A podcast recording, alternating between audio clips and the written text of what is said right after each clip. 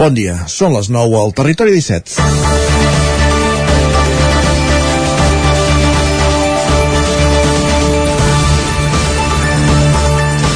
Des, que el, des del 2012, moment en què es va implantar, el Ripollès ha recaptat 1,02 milions d'euros amb la taxa turística.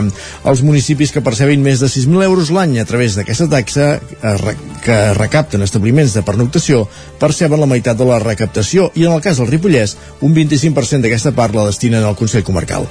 Els ingressos d'aquesta taxa del Ripollès han anat pujant gradualment i actualment és la desena comarca en mitjana de recaptació. El que el pes que té la taxa del Ripollès respecte al sector turístic català és del 0,28%, però és evident que l'oscil·lació entre els 130.000 i 140.000 euros que s'han recaptat a la comarca entre els anys 2015 i 2019 ha permès fer millores en una comarca que està aprofitant la seva característica de muntanya per fer una aposta decidida en la seva mesura pel turisme que va donant resultats. Benvinguts al Territori 17 a la sintonia de la veu de Sant Joan, Ràdio Cardedeu, Ona Codinenca, Ràdio Vic, el 9 FM i el 9 TV. Territori 17 amb Isaac Moreno i Jordi Sunyer.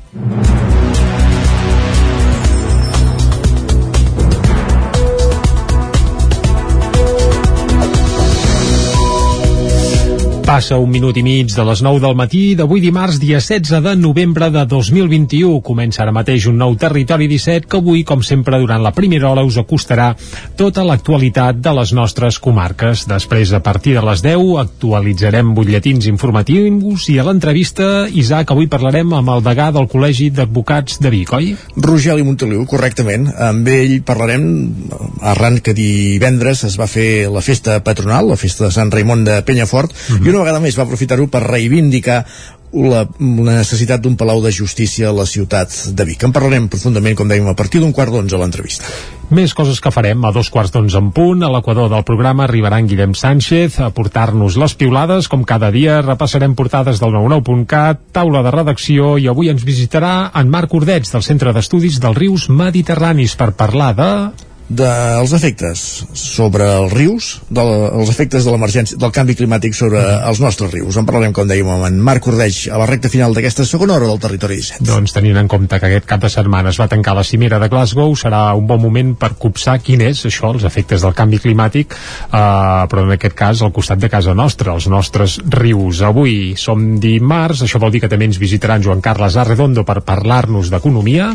I avui un tema profund, el relleu que està havent-hi eh, en, els, en els sectors industrials, en els sectors econòmics, eh, ja que el sector serveis va prenent terreny al sector industrial i això és bo o no? En parlarem, com dèiem, a la tercera hora del Territori 17 a la secció econòmica amb en Joan Carles Arredondo. Doncs en Joan Carles ens aclarirà aquest aspecte i acabarem, com sempre, els dimarts, anant a la R3, a la Trenc d'Alba i acabant amb el racó de pensar amb la Maria López. Perfecte, doncs el menú està... Està servit. Està servit doncs i ara comencem a entrapar. qüestió d'anar-lo degustant, exacte. doncs vinga, com sempre, el que farem per arrencar és fer un repàs a l'actualitat de casa nostra, a l'actualitat de les comarques del Ripollès, Osona, el Moianès i el Vallès Oriental.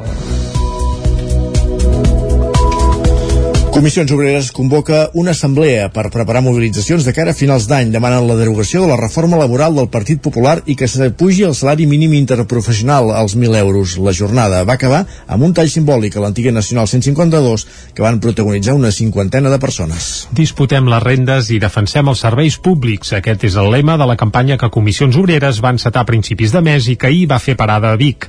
Una seixantena de delegats i delegades a la comarca omplien la sala Coll i Verdolet de l'edifici del Sucre on es va fer la trobada. L'objectiu d'aquestes jornades, que van itinerant per tot el Principat, és preparar una gran mobilització abans que acabi l'any. Entre les reivindicacions del sindicat destaca la derogació de la reforma laboral del PP i apujar el salari mínim interprofessional als 1.000 euros. Cristina Torra és la secretària d'Acció Sindical i Transicions Justes de Comissions Obreres a Catalunya. Continuem amb la reivindicació de la derogació de la reforma laboral, la derogació de la reforma del PP de pensions i les pujades de salari mínim, així com també eh, la disputa d'uns uns serveis públics de qualitat, amb una sanitat amb més inversió per part dels governs, una educació, uns serveis socials i un servei d'atenció a les persones amb més inversió. L'assemblea que es va fer ahir a Vic va acabar amb un tall simbòlic a l'antiga Nacional 152 davant de Can Pamplona, que van protagonitzar mig centenar de persones. Una fórmula per visibilitzar en clau comarcal el pes de la precarietat laboral. Ho detalla Gonzalo Plata, secretari general de Comissions Obreres, al Maresme, el Vallès Oriental i Osona. Aquí tenim una precarietat brutal en aquesta comarca. El 80% dels contractes que es signen són temporals. El 45% dels joves ussonencs i les joves ussonenques no tindran feina encara que vulguin. Aleshores cal doncs que ens mobilitzem per fer possible totes aquestes uh, situacions que s'han de revertir, que han de fer que tinguem una millor vida. La mobilització va comptar amb l'oficina mòbil d'atenció sindical, una furgoneta adaptada que vol apropar el sindicat als treballadors quan estan al seu lloc de feina. Tres lladres multireincidents que havien robat en comerços de Manlleu entren a la presó. Segons els Mossos d'Esquadra, els últims fets que se'ls imputen són un robatori amb violència a la botiga Idees i un altre en una benzinera de Manlleu els dies 4 i 5 de novembre. Els tres joves van ingressar a presó dijous passat i formen part, segons els Mossos, del grup que comet la majoria de delictes a Manlleu. D'altra banda, banda, els Mossos també han detingut un home de 27 anys per un robatori en una benzinera del carrer Torelló de Vic. Els agents van detenir l'home a l'interior del local amb sang a les mans perquè s'hauria tarallat trencant un dels vidres de l'establiment. La presència de membres d'Aliança Catalana al Mercat Semanal de Vic dissabte aixeca polseguera. Tot i que inicialment tenien permís, l'Ajuntament de Vic va acabar denegant l'autorització per fer parada a la formació independentista coneguda per tenir un discurs xenòfob que lidera la regidora de Ripoll, Sílvia Oriols. Crits de fora feixistes dels nostres barris i una pancarta d'unitat contra el feixisme i el racisme on podia llegir-se feixisme mai més van acompanyar des de primera hora del matí l'espai que sense muntar parada van ocupar els membres d'Aliança Catalana. Elisabet Franquesa, regidora regidora de Convivència i Seguretat de l'Ajuntament de Vic, es va presentar a la plaça i els va obligar a desplegar el roll-up del partit advertint-los que si no feien cas, la Guàrdia Urbana aixecaria acte.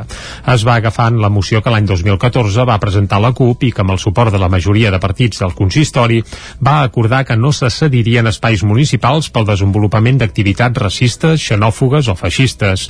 Per la seva banda, Sílvia Urriols va lamentar que se'ls denegui expressar els seus ideals i va anunciar que prendran mesures contra l'Ajuntament de Vic. Gairebé 150 persones confinades als centres educatius del Ripollès, on es dispara la propagació del virus. Isaac Muntades, des de la veu de Sant Joan. Després de forces setmanes amb una situació immillorable als centres educatius del Ripollès, la situació s'ha desbocat en els últims dies i actualment hi ha almenys 6 classes confinades a la comarca per culpa de la Covid-19 que mantenen aïllades a casa 148 persones. La població més afectada és Ripoll, que té l'epicentre dels contagis a l'escola Badruna, amb dues classes de tercer i quart de primària aïllades. S'han detectat 7 positius d'alumnes i un d'un professor en els els darrers 10 dies i s'ha hagut de confinar aquest docent i 55 nens més. A l'escola Joan Maragall hi ha hagut un parell d'estudiants que han donat positiu i s'ha confinat a la classe de 5è A de primària amb 24 alumnes i un professor. D'altra banda, l'Institut Abat Oliva hi ha confinat un alumne per haver donat positiu. La situació també és preocupant a l'escola Pirineu de Can Davant, on hi hauria confinades les dues classes de 6è i una de 5è. En total són 41 persones que es divideixen en 39 nens i dos mestres, després que 5 alumnes hagin donat positiu. A l'escola Doctor Robert de Camprodon també hi ha una classe confinada pel positiu d'un estudiant i un professor, que obliga a guardar quarantena a 23 nens i dos mestres. La situació epidemiològica del Ripollès també ha empitjorat sobtadament, ja que s'ha passat d'un índex de risc de rebrot de 188 punts als 540 de la setmana del 4 al 10 de novembre. La taxa de propagació del virus URT gairebé s'ha doblat i ja és d'1,86 punts i pinta el mapa de taronja. A més, s'han més que doblat els casos detectats de la malaltia, que arriben als 47. La taxa de positivitat supera el 7%, un nivell força preocupant. A l'Hospital de Can Demano continuen havent-hi dues persones ingressades ingressades. Pel que fa a la vacunació, 19.372 ripollesos, un 76,5% de la població, tenen almenys una dosi del vaccí inoculada, mentre que 19.077 porten la pauta completa. A més, 1.790 persones, un 7% dels ripollesos, ja han rebut una tercera dosi de reforç. Des que va començar la pandèmia ja s'han diagnosticat 3.281 casos a la comarca i s'han registrat 86 defuncions. Marta Ramos, la mare de Caldes de Montbui, que va denunciar que el seu exmarit s'havia endut els seus dos fills fora del país, ha pogut recuperar el nen aquest cap de setmana. Caral Campàs, des d'Ona Codinenca.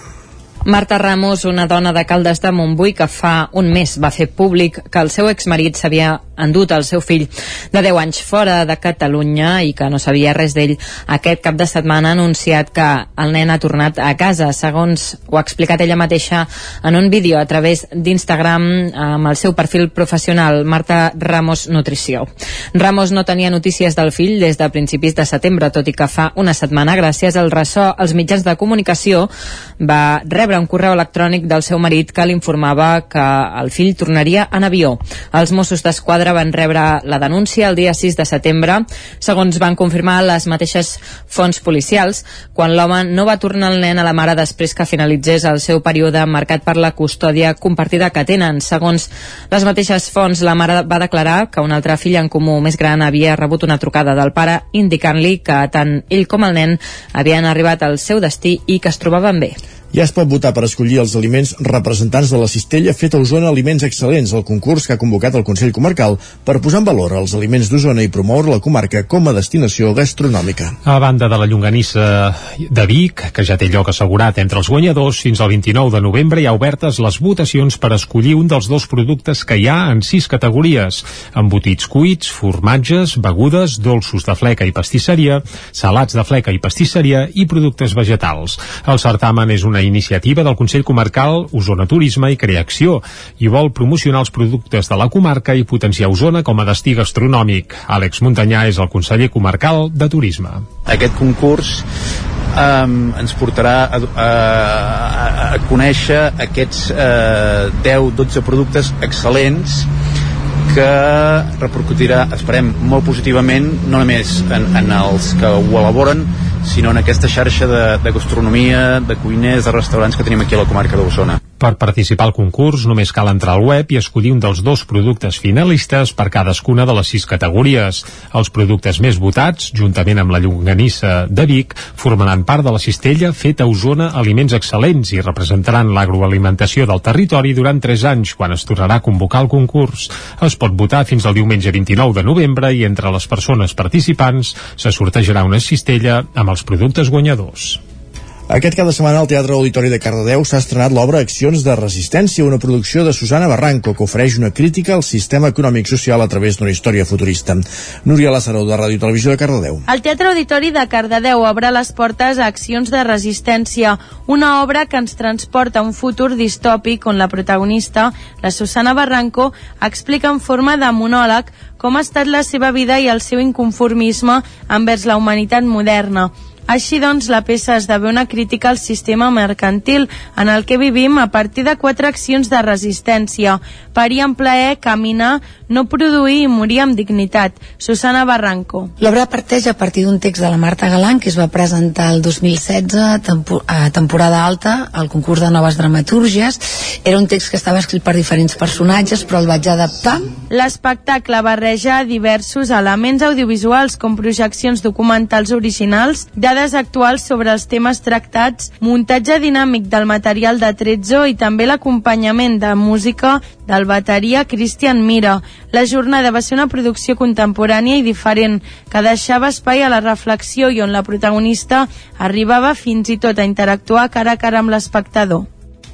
A finals del segle XIX, encara amb l'àmbit cultural, Jacint Verdaguer va experimentar de primera mà sessions d'exorcisme i va conèixer testimonis de persones posseïdes pel diable. Els apunts recollits d'aquelles vivències van ser la base perquè la parella artística Cabo San Roque desenvolupés un muntatge per entendre aquells fenòmens. La proposta, dimonis, exorcismes i inorcismes, ja es pot visitar fins a principis de gener al Vic.0. La crisi social que vivia Europa i Barcelona a finals del segle XIX va portar Jacint Verdaguer a assistir a sessions d'exorcisme al pis quart segona del número 7 del carrer Mirallers, a la capital catalana.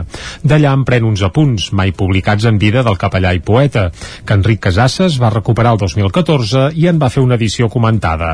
Aquests textos i el mateix pis de Barcelona són la referència perquè Cabo San Roque desenvolupés la proposta d'imònics, exorcismes i inorcismes, que vol fer reflexionar sobre el fenomen de la possessió mediació i les seves implicacions.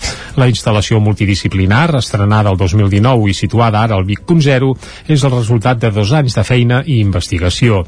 Les reflexions de fa més de 100 anys, però mantenen encara la vigència en l'actualitat. Ho explica Laia Torrents, de Cabo San Roque. Frases com «L'humon està malalt, conjura la febrada que passa sobre la terra», um, quan nosaltres la vam utilitzar per, per il·lustrar algunes de les instal·lacions era, era una metàfora sobre, sobre, sobre el món i el que ha acabat passant és que, que, que ha esdevingut literal Verdaguer va assumir la pràctica religiosa dels exorcismes com una manera de contribuir a l'alliberament del món i de les persones que creia afectats tots plegats per Satanàs. Josep Maria Riba és el rector de la Pietat. Que tots els que la visitem no ens deixi indiferents l'intervenció, que ens motivi a cercar i a trobar enmig dels nostres èxodes i èxtasis la llibertat i la lluita per la llibertat. La proposta artística no deixarà indiferent als espectadors que la descobreixin.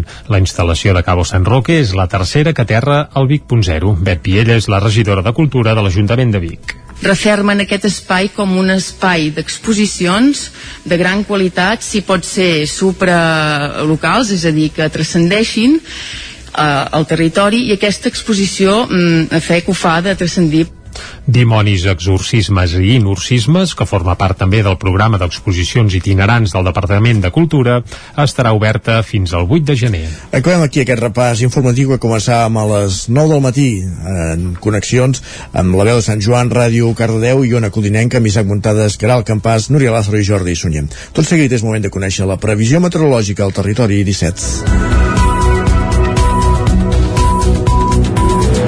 I això vol dir, és sinònim de saludar en Pep Acosta.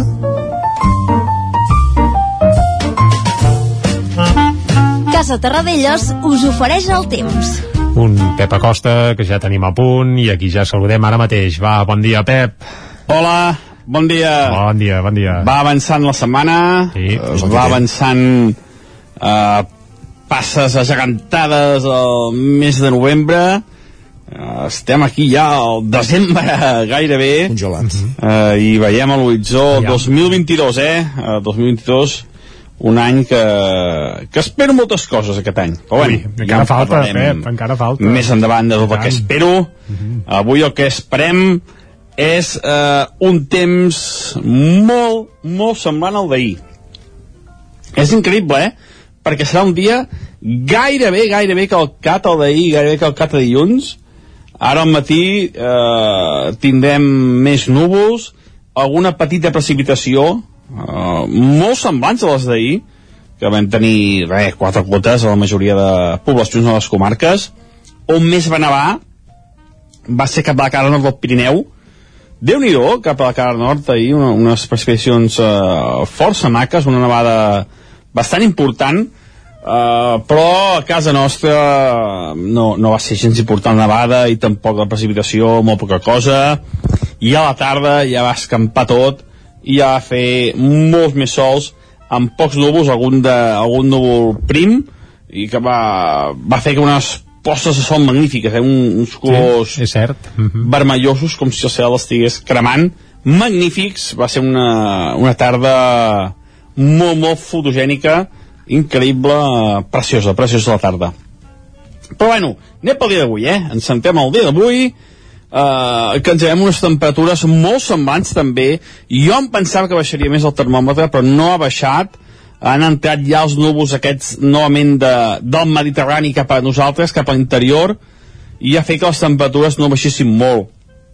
Es van nublant, d'aquí una estona plourà, ara mateix està caient alguna gota, plourà una mica més, uh, però igual que ahir, um, cap a les 12, una, a les dues com a molt tard, deixarà de precipitar i els núvols marxaran. I arribarà una falca anticiclònica, una falca anticiclònica que ara està, està a l'Atlàntic, ens afectarà.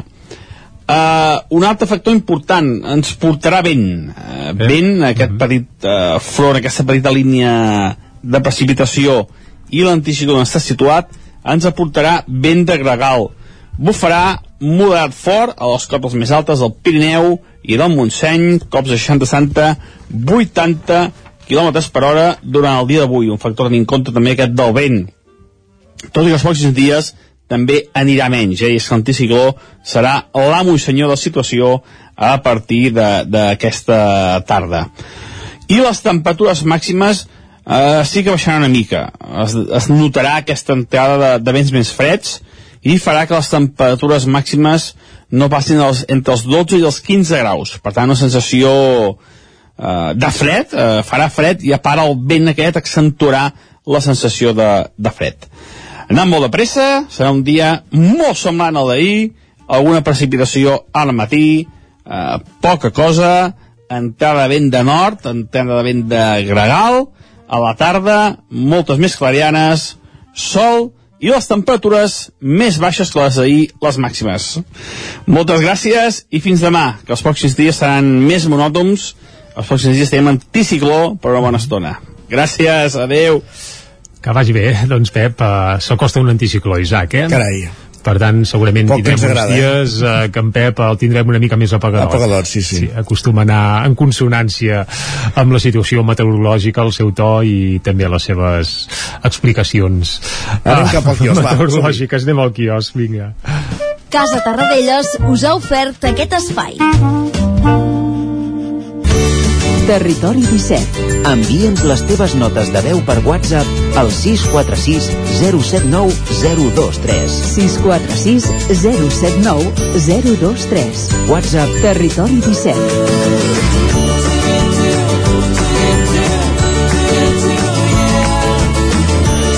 Territori 17. Som a Facebook, Twitter i Instagram amb l'usuari Territori 17.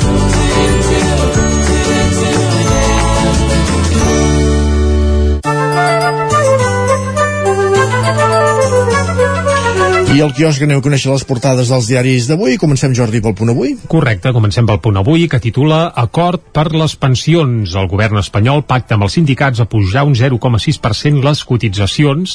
Això sí, ho fa uh, sense la patronal. Diu Està que ben encabronada, eh? Sí. Sí, la, patro la, la patronal se'n desentén i critica que la fórmula penalitza les empreses. Es veu que d'aquest 0,6%, el 0,5% li posarien les empreses i el 0,1% El treballador. al treballador. També expliquen al punt avui que 2.286 catalans s'han declarat en fallida. I pel que fa a la fotografia de portada, eh, és per els Premis Butaca que es van fer ahir, atenció, no a Barcelona, sinó a Mataró.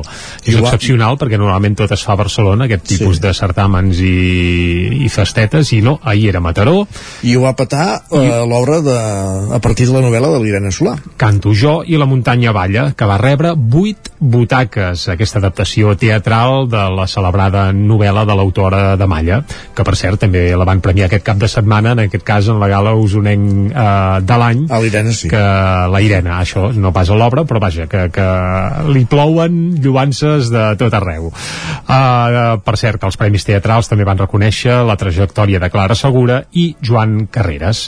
Uh, deixem el punt avui, anem cap a l'ara, que també titulen parlant d'aquest diàleg social, la patronal queda fora de l'acord sobre les pensions. Ministeri i sindicats majoritaris pacten a pujar les cotitzacions amb la COE i CEPIME en contra. La fotografia per alerta terrorista greu al Regne Unit, amb una fotografia que, vaja, d'una explosió que va tenir lloc ahir eh, davant d'un hospital, eh, en aquest cas a Liverpool. També apareix a la portada de l'Ara doncs, una mica de caliu sobre els pressupostos. Avui, en teoria, a les 12 del migdia, s'ha de saber si la CUP dona suport o no als pressupostos pel 2022 de la Generalitat i a l'ara apunten que Junts per Catalunya fa responsable Aragonès del desenllaç de la negociació dels pressupostos amb la CUP. Això és el que apunten a la portada de l'ara, on també hi ha un raconet per explicar que el certificat Covid guanya pes davant l'increment de contagis. És a dir, que podria ser que d'aquí poc, doncs, per anar a un restaurant o al teatre, per exemple, doncs també ens fes falta el passaport Covid. Això deixen anar a l'ara. Anem cap a l'avantguàrdia. Executiu i sindicats pacten, coma, sense la COE, coma, a pujar les cotitzacions. Està bé aquesta coma perquè si no pot donar lloc a equívocs, eh? Això sobre la reforma de la seguretat social. La fotografia Europa restringeix el moviment dels no vacunats i expliquen, per exemple, que a Àustria eh, els no vacunats estan confinats i són prop de dos milions de persones, que aviat Sí, sí. és dit, eh? Aviat és dit. Uh, també hi ha un subtítol que explica l'arribada de la sisena onada obliga a canviar l'estratègia anti-Covid. També parlem de pressupostos pressupostos. Junts insta Aragonès a implicar-se en la negociació amb l'equip i atenció, amb un raconet també explica Erika Vidal, l'exjugador del Barça, vinculat amb el cas Hamroui. Suposo que recordareu aquella Sí. jugadora que l'any passat jugava al Barça femení, ara al PSG, que, va ser que va rebre una pallissa i es veu que ara l'Erika Vidal també està implicat per aquí per un presumpte cas de faldilles, però vaja, jo ja se m'escapen moltes coses. Eh? Esperem que tot es resolgui perquè la setmana passada tothom va condemnar aquell altre jugador i després va sortir sense càrrecs. En fi, Ai, sí, embolica que fa fort. Això ja ho dèiem, que donaria per uns quants episodis de crims i encara sembla que no s'ha acabat. Anem al periòdico. Va, la pandèmia repunta a Espanya i dispara l'alerta a mitja Europa. Aquest és el titular principal del periòdico. La sisena onada indueix les autonomies a estendre l'ús del certificat Covid. Pel que fa a la fotografia, parlen al periòdico de nou de la crisi humanitària que es viu a la frontera entre Polònia i Bielorússia. Més sancions a Bielorússia. La Unió Europea ampliarà el marc legal per castigar els que contribueixin a l'entrada il·legal de migrants. Això explica el periòdico a la seva portada on també hi ha un raconet per la COE que rebutja pujar la cotització per salvar les pensions. Anem cap a Madrid? Doncs va, comencem pel país. Les pensions eh, trunquen dos anys de pactes entre govern i patronal. L'executiu farà la reforma amb els sindicats eh, després de despenjar-se de la COE. Això titulen el país. També la fotografia per aquesta crisi humanitària que es viu a la frontera amb Polònia i Bielorússia. La Unió Europea amenaça les empreses que es despleguin, que desplacin, perdó, els migrants a Bielorússia i en un raconet també la venda de cases es dispara als seus nivells més grans des del 2008. Això expliquen també al país. I en un altre raconet, eh, Larsen va crear 12 societats opaques durant la seva relació amb el rei emèrit. Eh, torna a La aparèixer Corina, eh? el rei, la Corina Larsen, correcte, exacte. Anem ràpidament cap al Mundo. Escrivà castiga a les empreses després de plantar-les eh, a les pensions. Aquí ja tenen clar qui és el dolent de la pel·lícula. Com sempre anem a l'ABC. Eh, el desgast del sanchismo impedeix substituir els barons. El sanchismo, El sanchismo Antonio Pedro Sánchez. Sánchez. Sí, no Sancho Panza, eh? Correcte, la fotografia per milers de refugiats que arriben a l'últim control que els separa de Polònia, una fotografia espectacular, plena de gent, i després a l'altre cantó ple de soldats polonesos, tots ells, i acabem fent un cop d'ull a la Razón, que titula Moncloa blinda a Felip VI i espera gestos de Sarsuela, i aquests gestos ho posen entre cometes, eh? Eh, No es farà una llei de la corona i es treballa en canvis en les normatives de la Casa Reial. Això apunten a la portada de la Razón d'avui. Doncs repassades les portades, moment de fer una pausa. Tornem d'aquí 3 minuts amb tota l'actualitat del Territori 17. Fins ara. El racó de León. Gaudeix de la nostra terrassa. Vine a tastar les xuletilles de l'Echal a la brasa amb una bona amanida o el xuletón de vedella gallega. No et pots perdre el nostre lechado de Castilla al forn o el cochinillo a l'estil de Segovia. Tot acompanyat del millor celler, al menjador o fora la terrassa. Descobreix la millor cuina de Lleó sense moure't de casa. Vine amb la família, els amics, la parella o sol. T'encantarà. El racó de León, cuina tradicional lleonesa i de mercat. Som al carrer Torelló número 35 de Vic. Per reserves, telèfon 93 889 1950. El racó de León, una cuina diferent. Som especialistes en cargols a la llauna. Vine a tastar-los al racó de León. Això és el que s'escolta al voltant d'una caldera saunia d'Oval. Tranquilitat i benestar, perquè gaudeix del millor manteniment del servei tècnic oficial per estar despreocupat. O el que vulgui. Informis a Oficiat Nord trucant al 938860040. Saunia d'Oval, sempre al seu costat. Amb Pradell estalvio energia i cuido la meva butxaca i el medi ambient. Posa't en mans a Pradell, són experts en calderes de gas i condensació, estufes de pèl·let, energia solar, terres radiants i geotèrmia. Pradell instal·la calderes de biomassa per a particulars i per a empreses. Si vols estalviar un 50% en consum, contacta amb Pradell i passa't a les energies renovables. Pradell som a l'Avinguda Països Catalans 27 de Vic. Telèfon 93 885 1197. Pradell.cat. Autoscola Montseny. Ara és el moment de fer els cursos de teòrica intensius, ràpid i eficaç. T'informarem dels PACs, permís de moto de 16 i 18 anys i permís de cotxe. I si vens a veure'ns, tindràs un obsequi. Apunta't i no t'ho pensis més. Per més informació, Autoscola Montseny, Rambla de Vallades, número 13 de Vic. Busca'ns a Instagram i Facebook. Rètols 2A. Experts en comunicació visual. Rètols, banderoles, vinils, impressió, plaques gravades, senyalització, displays... Rètols Dos Art. Ja són 25 anys al vostre servei. Ens trobareu a la carretera de Vic a Olot, número 7, al polígon Malloles de Vic. dosartvic.com Telèfon 93 889 2588. Impremta Mater, el servei de particulars i empreses. Fem catàlegs, llibres, papereria corporativa, targetes, fulletons i també venem material d'oficina i escriptori, bolígrafs, arxivadors, grapadores, llibretes i molt més. Mater Impressors des de 1957. Impremta Mater. Ens trobaràs a la carretera de Sant Hipòlit, número 23 de Vic i a la impremtamater.com. El nou FM, el nou FM, el nou FM. En punt, dos quarts de deu al Territori 17. Territori 17, amb Isaac Moreno i Jordi Sunyer.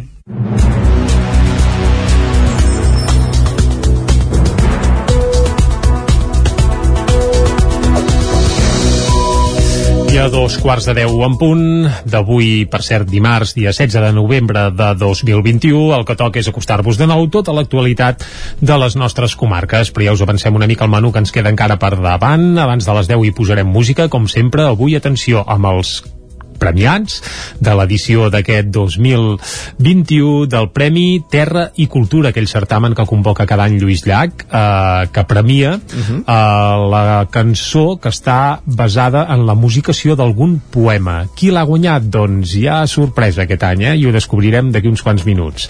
Però tenim guanyador i el descobrirem de seguida aquí a Territori 17. A les 10 de nou informació i després entrevista i parlarem de justícia avui, oi, Isaac? Correcte. Més, més que de justícia d'obres. Parlarem amb el degà del Col·legi d'Advocats de Vic, amb Rogeli Montoliu, Uh -huh. Eh, sobre, per exemple, la reivindicació que fan des d'aquest col·legi que hi hagi un Palau de Justícia a Vic. Recordem que hi ha un edifici judicial, n'hi està acoplant, mai millor dit, un altre d'adjacent, per entendre'ns, Uh -huh. però consideren que amb això encara fan curt i reclamen un edifici amb, amb tots els ets i uts eh, per poder encabir tots els serveis amb garanties i això seria un palau de justícia. Doncs més detalls a l'entrevista a quarts d'onze. Després tindrem piulades, tindrem taula redacció i avui també toca parlar de meteorologia i medi ambient. I Més aviat de medi ambient avui, eh? Medi ambient avui, correcte. Perquè tindrem en línia el Marc Ordeig, oi? El director del Centre d'Estudis dels Rius Mediterranis de, de l'UBIC sobre els efectes del canvi climàtic sobre els nostres rius, aprofitant que diumenge acabava la cimera de Glasgow. I a la darrera hora, de què parlarem? Doncs, per exemple, d'economia. Som dimarts i, per tant, ens visita en Joan Carles Arredondo. I parlarem de l'evolució dels sectors econòmics, com va guanyar en pes el sector serveis sobre el sector industrial, per exemple. En parlarem, com dèiem, amb en Joan Carles Arredondo a un quart de 12, a la darrera hora del territori 17 d'avui, que acabarà, com sempre, amb el tren d'Alba, parlant de l'R3, i els dimarts amb el racó de pensar amb la Maria López. déu nhi quin menú, jo no m'ho perdria, eh? Jo tampoc, des d'ara fins a les 12, va. Doncs va, i el que toca ara és acostar-vos de nou l'actualitat de casa nostra, de casa vostra, de les comarques del Vallès Oriental, el Moianès, Osona i el Ripollès.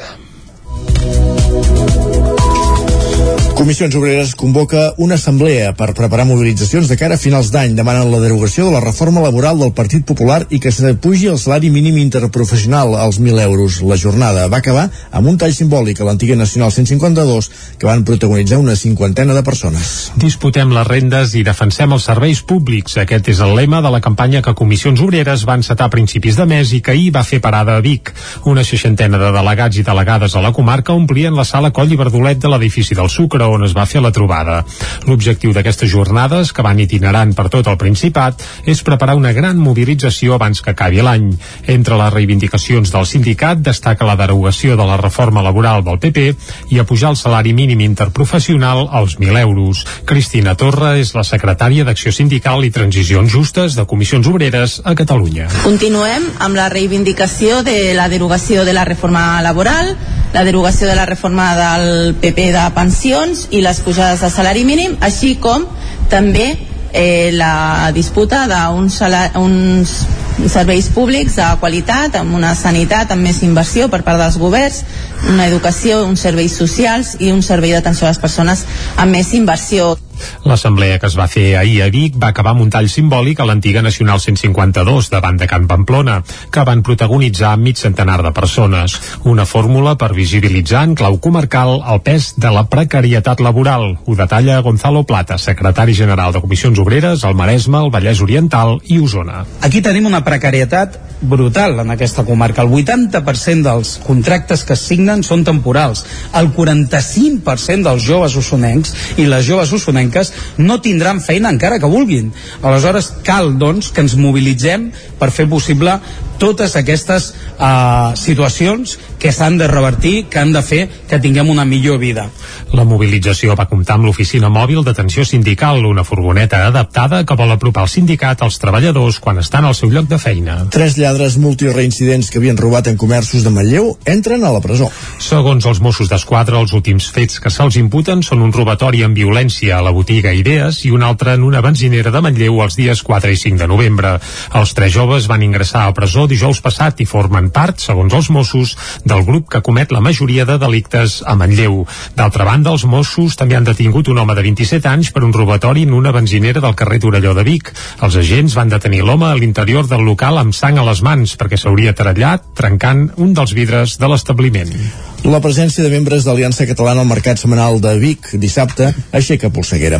Tot i que inicialment tenien permís, l'Ajuntament de Vic va acabar denegant l'autorització per fer parada a la formació independentista coneguda per tenir un discurs xenòfob que lidera la regidora de Ripoll, Sílvia Oriols. Crits de fora feixistes dels nostres barris i una pancarta d'unitat contra el feixisme i el racisme on podia llegir-se feixisme mai més van acompanyar des de primera hora del matí l'espai que sense muntar parada van ocupar els membres d'Aliança Catalana. Elisabet Franquesa, regidora de Convivència i Seguretat de l'Ajuntament de Vic, es va presentar a la plaça i els va obligar a desplegar el roll-up del partit advertint-los que si no feien cas, la Guàrdia Urbana aixecaria acte. Es va agafant la moció que l'any 2014 va presentar la CUP i que amb el suport de la majoria de partits del consistori va acordar que no se cedirien espais municipals pel desenvolupament d'activitats racistes, xenòfogues o feixistes. Per la seva banda, Sílvia Urriols va lamentar que se'ls denegui expressar els seus ideals i va anunciar que prendran mesures contra l'Ajuntament de Vic. Gairebé 150 persones confinades als centres educatius del Ripollès, on es dispara la propagació del virus. Isaac Muntades, des de la veu de Sant Joan. Després de forces setmanes amb una situació immillorable als centres educatius del Ripollès, la situació s'ha desbocat en els últims dies i actualment hi ha almenys 6 classes confinades a la comarca per culpa de la Covid-19 que mantenen aïllades a casa 148 persones. La població més afectada és Ripoll, que té l'epicentre dels contagis a l'escola Badruna, amb dues classes de tercer i quart de primària aïllades. S'han detectat 7 positius d'alumnes i un d'un professor en els darrers 10 dies i s'ha hagut de confinar aquest docent i 55 nens més. A l'escola Joan Maragall hi ha hagut un parell d'estudiants que han donat positiu i s'ha confinat a la classe de 5è A de primària amb 24 alumnes i un professor. D'altra banda, l'Institut Abat Oliva hi ha confinat un alumne per haver donat positiu. La situació també és preocupant a l'escola Pirineu de Can Davant, on hi hauria confinades les dues classes de 6è i una de 5è. En total són 41 persones que es divideixen en 39 nens i dos mestres, després que 5 alumnes hagin donat positiu. A l'escola Doctor Robert de Camprodon també hi ha una classe confinada pel positiu d'un estudiant i un professor, que obliga a guardar quarantena a 23 nens i dos mestres. La situació epidemiològica del Ripollès també ha empitjorat sobtadament, ja que s'ha passat d'un índex de risc de rebrot de 188 punts als 540 de la setmana del 4 al 10 de novembre. La taxa de propagació del virus URT gairebé s'ha doblat i ja és d'1,86 punts i pinta el mapa de taronja. A més, s'han més que doblat els casos detectats de la malaltia, que arriben als 47. La taxa de positivitat supera el 7%, un nivell força preocupant. A l'Hospital de Can Demano continuen havent-hi dues persones ingressades. Pel que fa a la vacunació, 19.372 ripollesos, un 76,5% de la població, tenen almenys una dosi del vaccí inoculada, mentre que 19.077 porten la pauta completa. A més, 1.790 persones, un 7% dels ripollesos, ja han rebut una tercera dosi de reforç. Des que va començar la pandèmia ja s'han diagnosticat 3.281 casos a la comarca i s'han registrat 86 defuncions. Marta Ramos, la mare de Caldes de Montbui, que va denunciar que el seu exmarit s'havia endut els seus dos fills fora del país, ha pogut recuperar el nen aquest cap de setmana. Caral Campàs, des d'Ona Codinenca. Marta Ramos, una dona de Caldes de Montbui que fa un mes va fer públic que el seu exmarit s'havia endut el seu fill de 10 anys fora de Catalunya i que no sabia res d'ell, aquest cap de setmana ha anunciat que el nen ha tornat a casa, segons ho ha explicat ella mateixa en un vídeo a través d'Instagram amb el seu perfil professional, Marta Ramos Nutrició. Ramos no tenia notícies del fill des de principis de setembre, tot i que fa una setmana, gràcies al ressò als mitjans de comunicació, va rebre un correu electrònic del seu marit que l'informava que el fill tornaria en avió. Els Mossos d'Esquadra van rebre la denúncia el dia 6 de setembre, segons van confirmar les mateixes fonts policials, quan l'home no va tornar el nen a la mare després que finalitzés el seu període marcat per la custòdia compartida que tenen. Segons les mateixes fonts, la mare va declarar que un altre fill en comú més gran havia rebut una trucada del pare indicant-li que tant ell com el nen havien arribat al seu destí i que es trobaven bé. Ja es pot votar per escollir els aliments representants de la cistella feta a Osona Aliments Excel·lents, el concurs que ha convocat el Consell Comarcal per posar en valor els aliments d'Osona i promoure la comarca com a destinació gastronòmica. A banda de la llonganissa de Vic, que ja té lloc assegurat entre els guanyadors, fins al 29 de novembre hi ha obertes les votacions per escollir un dels dos productes que hi ha en sis categories.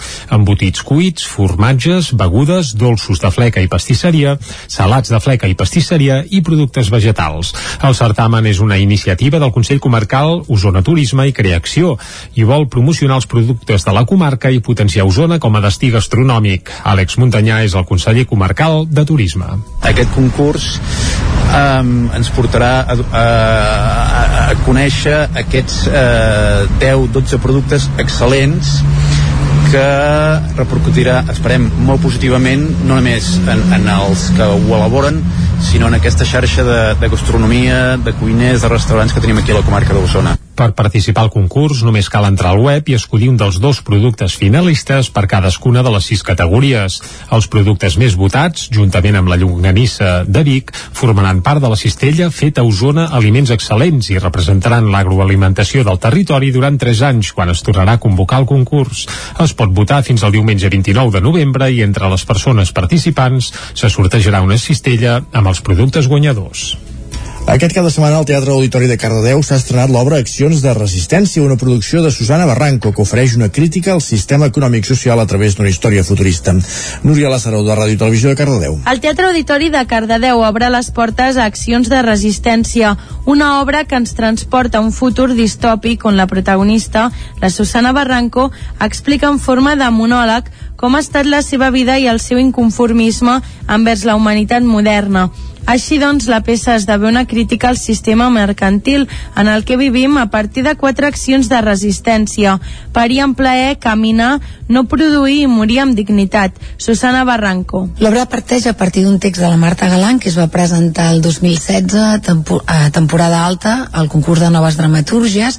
Era un text que estava escrit per diferents personatges però el vaig adaptar. L'espectacle barreja diversos elements audiovisuals com projeccions documentals originals, dades actuals sobre els temes tractats, muntatge dinàmic del material de Trezzo i també l'acompanyament de música del bateria Christian Mira. La jornada va ser una producció contemporània i diferent, que deixava espai a la reflexió i on la protagonista arribava fins i tot a interactuar cara a cara amb l'espectador. A finals del segle XIX, encara amb l'àmbit cultural, Jacint Verdaguer va experimentar de primera mà sessions d'exorcisme i va conèixer testimonis de persones posseïdes pel diable. Els apunts recollits d'aquelles vivències van ser la base perquè la parella artística Cabo San Roque desenvolupés un muntatge per entendre aquells fenòmens. La proposta, dimonis, exorcismes i inorcismes, ja es pot visitar fins a principis de gener al Vic.0. La crisi social que vivia Europa i Barcelona a finals del segle XIX va portar Jacint Verdaguer a assistir a sessions d'exorcisme al pis quart segona del número 7 del carrer Mirallers, a la capital catalana. D'allà en pren uns apunts, mai publicats en vida del capellà i poeta, que Enric Casasses va recuperar el 2014 i en va fer una edició comentada. Aquests textos i el mateix pis de Barcelona són la referència perquè Cabo San Roque desenvolupés la proposta dimonis, exorcismes i inorcismes, que vol fer reflexionar sobre el fenomen de la possessió i les seves implicacions. La instal·lació multidisciplinar, estrenada el 2019 i situada ara al Vic Vic.0 és el resultat de dos anys de feina i investigació. Les reflexions de fa més de 100 anys, però mantenen encara la vigència en l'actualitat. Ho explica Laia Torrents, de Cabo San Roque. Frases com món està malalt, conjura la febrada que passa sobre la Terra, um, quan nosaltres la vam utilitzar per, per il·lustrar algunes de les instal·lacions era, era una metàfora sobre, sobre, sobre el món i el que ha acabat passant és que, que, que ha esdevingut literal Verdaguer va assumir la pràctica religiosa dels exorcismes com una manera de contribuir a l'alliberament del món i de les persones que creia afectats tots plegats per Satanàs. Josep Maria Riba és el rector de la Pietat que tots els que la visitem no ens deixi indiferents l'intervenció que ens motivi a cercar i a trobar enmig dels nostres èxodes i èxtasis la llibertat i la lluita per la llibertat. La proposta artística no deixarà indiferent als espectadors que la descobreixin. La instal·lació de Cabo San Roque és la tercera que aterra al Vic.0. Bet Piella és la regidora de Cultura de l'Ajuntament de Vic refermen aquest espai com un espai d'exposicions de gran qualitat, si pot ser supralocals, és a dir, que transcendeixin eh, el territori i aquesta exposició mm, a fe que ho fa de transcendir Dimonis, exorcismes i inorcismes, que forma part també del programa d'exposicions itinerants del Departament de Cultura, estarà oberta fins al 8 de gener. Acabem aquí aquest repàs informatiu que començàvem a les 9 del matí en connexions amb la veu de Sant Joan, Ràdio Cardedeu i Ona Codinenca, Misac Muntades, Caral Campàs, Núria Lázaro i Jordi Sunyent. Tot seguit és moment de conèixer la previsió meteorològica al territori 17. I això vol dir, és sinònim de saludar en Pep Acosta.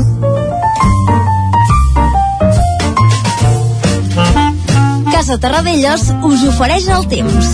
Un Pep Acosta que ja tenim a punt i aquí ja saludem ara mateix. Va, bon dia, Pep. Hola, bon dia. Bon dia, bon dia. Va avançant la setmana, sí, es va avançant eh, passes agantades al mes de novembre, Uh, estem aquí ja al desembre gairebé congelats uh, i veiem a l'horitzó ja. 2022 eh? Uh, 2022 un any que, que espero moltes coses aquest any però bueno, Ui, encara ja falta Pep, encara falta més endavant de tot el que espero uh mhm. -huh. avui el que esperem és uh, un temps molt, molt semblant al d'ahir és increïble eh? perquè serà un dia gairebé, gairebé calcat al d'ahir gairebé calcat a dilluns Ara al matí eh, tindrem més núvols, alguna petita precipitació, eh, molt semblants a les d'ahir, que vam tenir res, quatre gotes a la majoria de poblacions de les comarques. On més va nevar va ser cap a la cara nord del Pirineu. déu nhi cap a la cara nord ahir, una, unes precipitacions eh, força maques, una nevada bastant important, Uh, però a casa nostra no, no va ser gens important la nevada i tampoc la precipitació, molt poca cosa i a la tarda ja va escampar tot i ja va fer molts més sols amb pocs núvols, algun, de, algun núvol prim i que va, va fer que unes postes de sol magnífiques, eh? Un, uns colors sí, és cert. Uh -huh. vermellosos com si el cel estigués cremant magnífics, va ser una, una tarda molt, molt fotogènica increïble, preciosa, preciosa la tarda. Però bueno, anem pel dia d'avui, eh? Ens sentem el dia d'avui, eh, que ens veiem unes temperatures molt semblants també. Jo em pensava que baixaria més el termòmetre, però no ha baixat.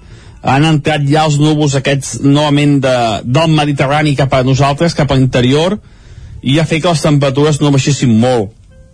Es van nublant, d'aquí una estona plourà, ara mateix està caient una gota, plourà una mica més uh, però igual que ahir um, cap a les 12 a 1 a les dues com a molt tard deixarà de precipitar i els núvols marxaran.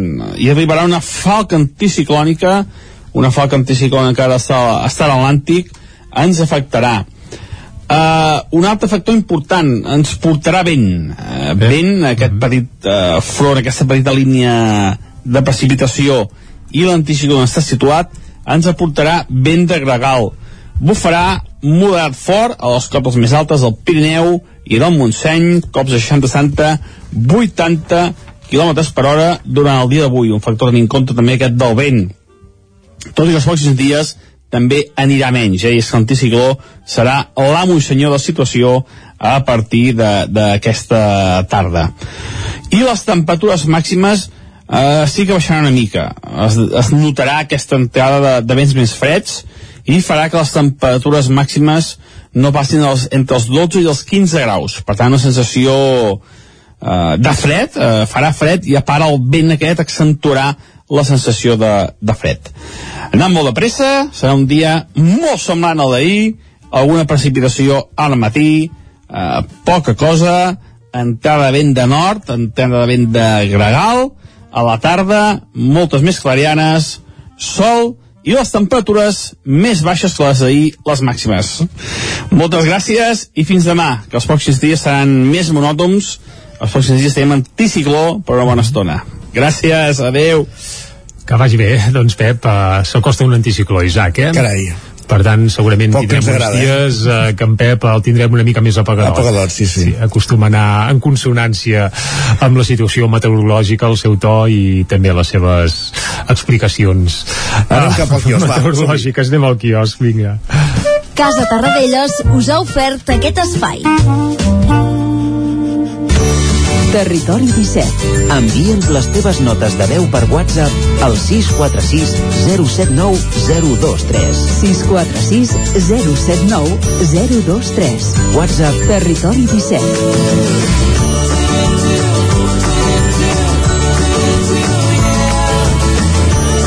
Territori 17. Som a Facebook, Twitter i Instagram amb l'usuari Territori 17.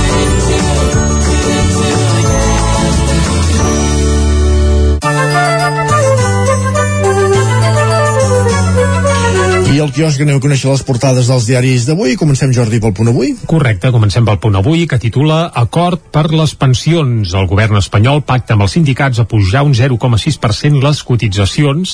Això sí, ho fa uh, sense la patronal. Diu Està que ben se'n- encabronada, eh? Sí. Sí, la, patronal, la, la patronal se'n desentén i critica que la fórmula penalitza les empreses. Es veu que d'aquest 0,6%, el 0,5% li posarien les empreses i el 0,1% El treballador. al treballador. També expliquen al punt avui que 2.286 catalans s'han declarat en fallida.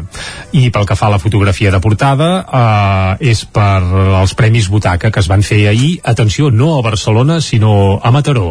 És Igual- excepcional perquè normalment tot es fa a Barcelona, aquest tipus Sí. de certàmens i, i festetes, i no, ahir era Mataró, I ho va petar eh, l'obra de, a partir de la novel·la de l'Irene Solà. Canto jo i la muntanya balla, que va rebre 8 butaques, aquesta adaptació teatral de la celebrada novel·la de l'autora de Malla, que per cert també la van premiar aquest cap de setmana, en aquest cas en la gala usonenc eh, de l'any, A l'Irene, sí. que la Irene, això no pas a l'obra, però vaja, que, que li plouen lluances de tot arreu. Uh, per cert, els Premis Teatrals també van reconèixer la trajectòria de Clara Segura i Joan Carreras. Uh, deixem el punt avui, anem cap a l'ara, que també titulen parlant d'aquest diàleg social, la patronal queda fora de l'acord sobre les pensions. Ministeri i sindicats majoritaris pacten a pujar les cotitzacions amb la COE i CEPIME en contra. La fotografia per alerta terrorista greu al Regne Unit, amb una fotografia que, vaja, d'una explosió que va tenir lloc ahir eh, davant d'un hospital, eh, en aquest cas a Liverpool. També apareix a la portada de l'Ara, doncs, una mica de caliu sobre els pressupostos. Avui, en teoria, a les 12 del migdia, s'ha de saber si la CUP dona suport o no als pressupostos pel 2022 de la Generalitat i a l'ara apunten que Junts per Catalunya fa responsable Aragonès del desenllaç de la negociació dels pressupostos amb la CUP. Això és el que apunten a la portada de l'ara on també hi ha un raconet per explicar que el certificat Covid guanya pes davant l'increment de contagis. És a dir, que podria ser que d'aquí poc, doncs, per anar a un restaurant o al teatre, per exemple, doncs també ens fes falta el passaport Covid. Això deixen anar a l'ara. Anem cap a l'avantguàrdia. Executiu i sindicats pacten, coma, sense la COE, coma, a pujar les cotitzacions. Està bé aquesta coma perquè si no pot donar lloc a equívocs, eh? Això sobre la reforma de la seguretat social. La fotografia Europa restringeix el moviment dels no vacunats i expliquen, per exemple, que a Àustria eh, els no vacunats estan confinats i són prop de dos milions de persones, que aviat Sí, sí, és dit, eh? aviat és dit. Uh, també hi ha un subtítol que explica l'arribada de la sisena onada obliga a canviar l'estratègia anti-Covid. També parlem de pressupostos pressupostos. Junts insta Aragonès a implicar-se en la negociació amb l'equip i atenció, amb un raconet també explica Erika Vidal, l'exjugador del Barça, vinculat amb el cas Hamroui. Suposo que recordareu aquella Sí. jugadora que l'any passat jugava al Barça femení, ara al PSG, que, va ser que va rebre una pallissa i es veu que ara l'Erika Vidal també està implicat per aquí per un presumpte cas de faldilles, però vaja, jo ja se m'escapen moltes coses. Eh? Esperem que tot es resolgui perquè la setmana passada tothom va condemnar aquella altra jugadora i després va sortir sense càrrecs. En fi, Ai, sí, embolica que fa fort. Això ja ho dèiem, que donaria per uns quants episodis de crims i encara sembla que no s'ha acabat. Anem al periòdico. Va, la pandèmia repunta a Espanya i dispara l'alerta a mitja Europa. Aquest és el titular principal del periòdico. La sisena onada indueix les autonomies a estendre l'ús del certificat Covid. Pel que fa a la fotografia, parlen al periòdico de nou de la crisi humanitària que es viu a la frontera entre Polònia i Bielorússia. Més sancions a Bielorússia. La Unió Europea ampliarà el marc legal per castigar els que contribueixin a l'entrada il·legal de migrants. Això explica el periòdico a la seva portada on també hi ha un raconet per la COE que rebutja pujar la cotització per salvar les pensions. Anem cap a Madrid?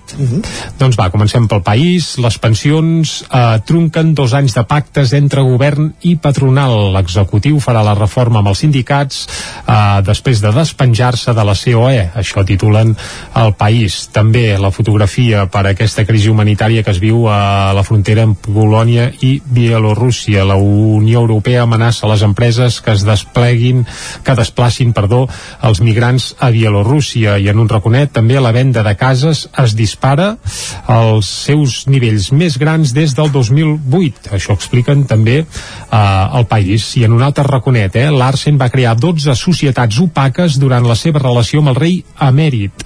Eh, torna a aparèixer Corina, el rei, la Corina Larsen, correcte, exacte. Anem ràpidament cap al Mundo. Escrivà castiga a les empreses després de plantar-les eh, a les pensions. Aquí ja tenen clar qui és el dolent de la pel·lícula.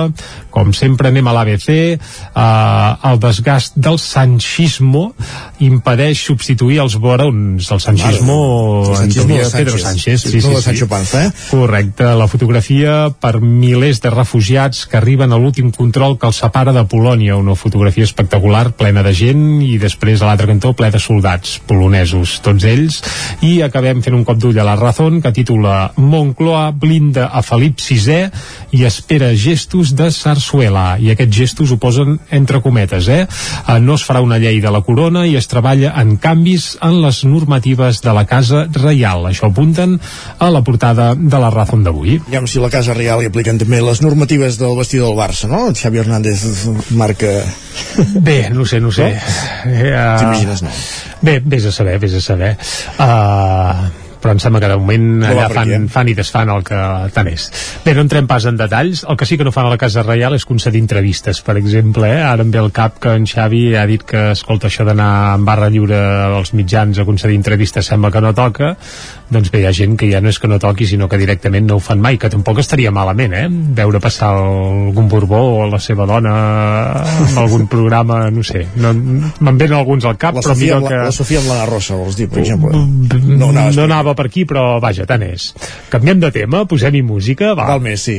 Va, abans ja hem avançat que avui eh, descobrirem ara mateix qui és el guanyador de la 14a edició dels Premis Miquel Martí i Pol, el certamen Terra i Cultura que impulsa Lluís Llach, bé, i el seu celler de vins des de fa això ja 14 anys, i correcte, és bo, eh, aquest vi. Ho diuen, bé ho diuen, sí, sí, ho diuen, sí, sí, sí, sí.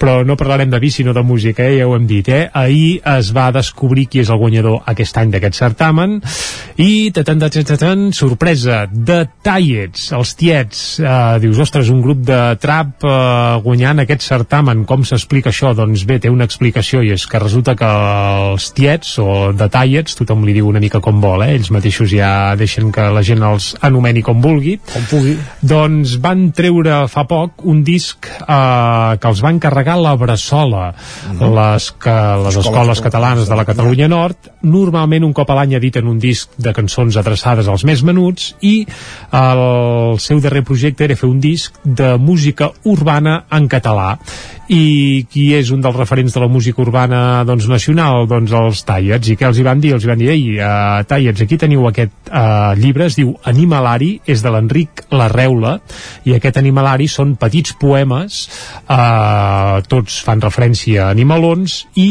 els van musicar en teoria adreçats al públic infantil, però és evident que és per tots els públics. I la cançó premiada és precisament El ratolí, que ja l'estem escoltant de fons. Doncs va. La van musicar tant i tan bé que els hi va valdre aquest premi, que són 5.000 euros, eh, que aviat és dit, Aviat i a part una caixa de batllac, de vins i una petita escultura. Des Depèn com d'aquí... potser ja val més la casa. Des d'aquí per molts anys els detallets i fins a arribar al punt de les 10 escoltarem El ratolí, lletra d'Enric Larreula i música dels detallets.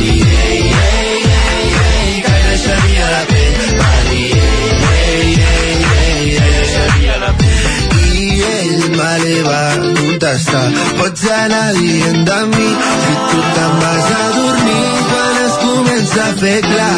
I ell me va contestar Pots anar dient de mi Quan es comença a fer clar Un ratolí molt tronera Que la rondava de nit Imagina bocinera Que no hi havia manera que es fiqués al llit fins que una gata pinyada que era rondaire com ell va venir que una vegada li va dir ben preocupada que hi deixaria la pell.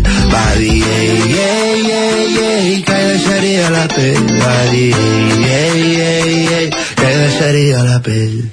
Ei, ei, ei, ei que hi deixaria la pell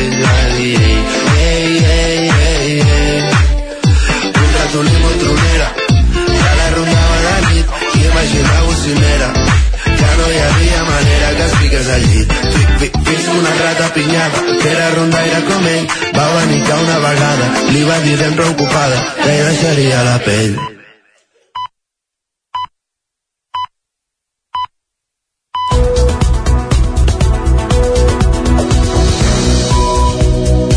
I aquesta hora, com cada dia, és moment de posar-nos al dia de les notícies de l'actualitat del territori 17 des de les redaccions que cada dia fan possible aquest programa. La veu de Sant Joan, Ràdio Cardedeu, Ona Codinenca, Ràdio Vic, el 9 FM i el 9 TV.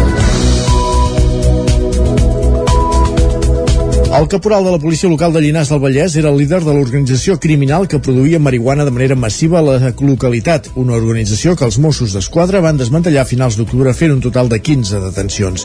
Núria Lázaro, de Ràdio Televisió de Cardedeu. En un principi, els Mossos d'Esquadra es pensaven que els agents implicats donaven seguretat puntual a l'organització, però en realitat el seu paper era el més important. El caporal oferia franquícies a delinqüents que volien operar a la ciutat.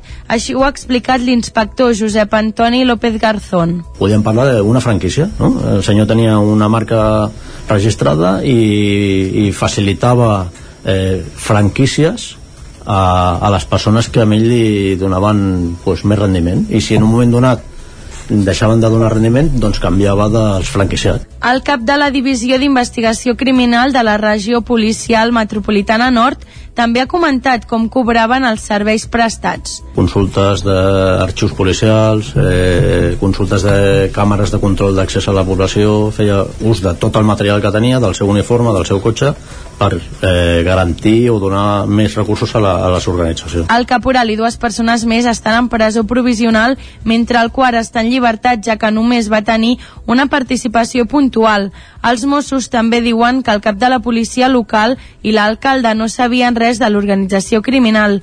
La investigació continua oberta per determinar si hi ha més persones implicades. També es continua investigant el crim que va donar el tret de sortida a l'operatiu per acabar amb l'organització criminal. Està sota el secret d'actuacions.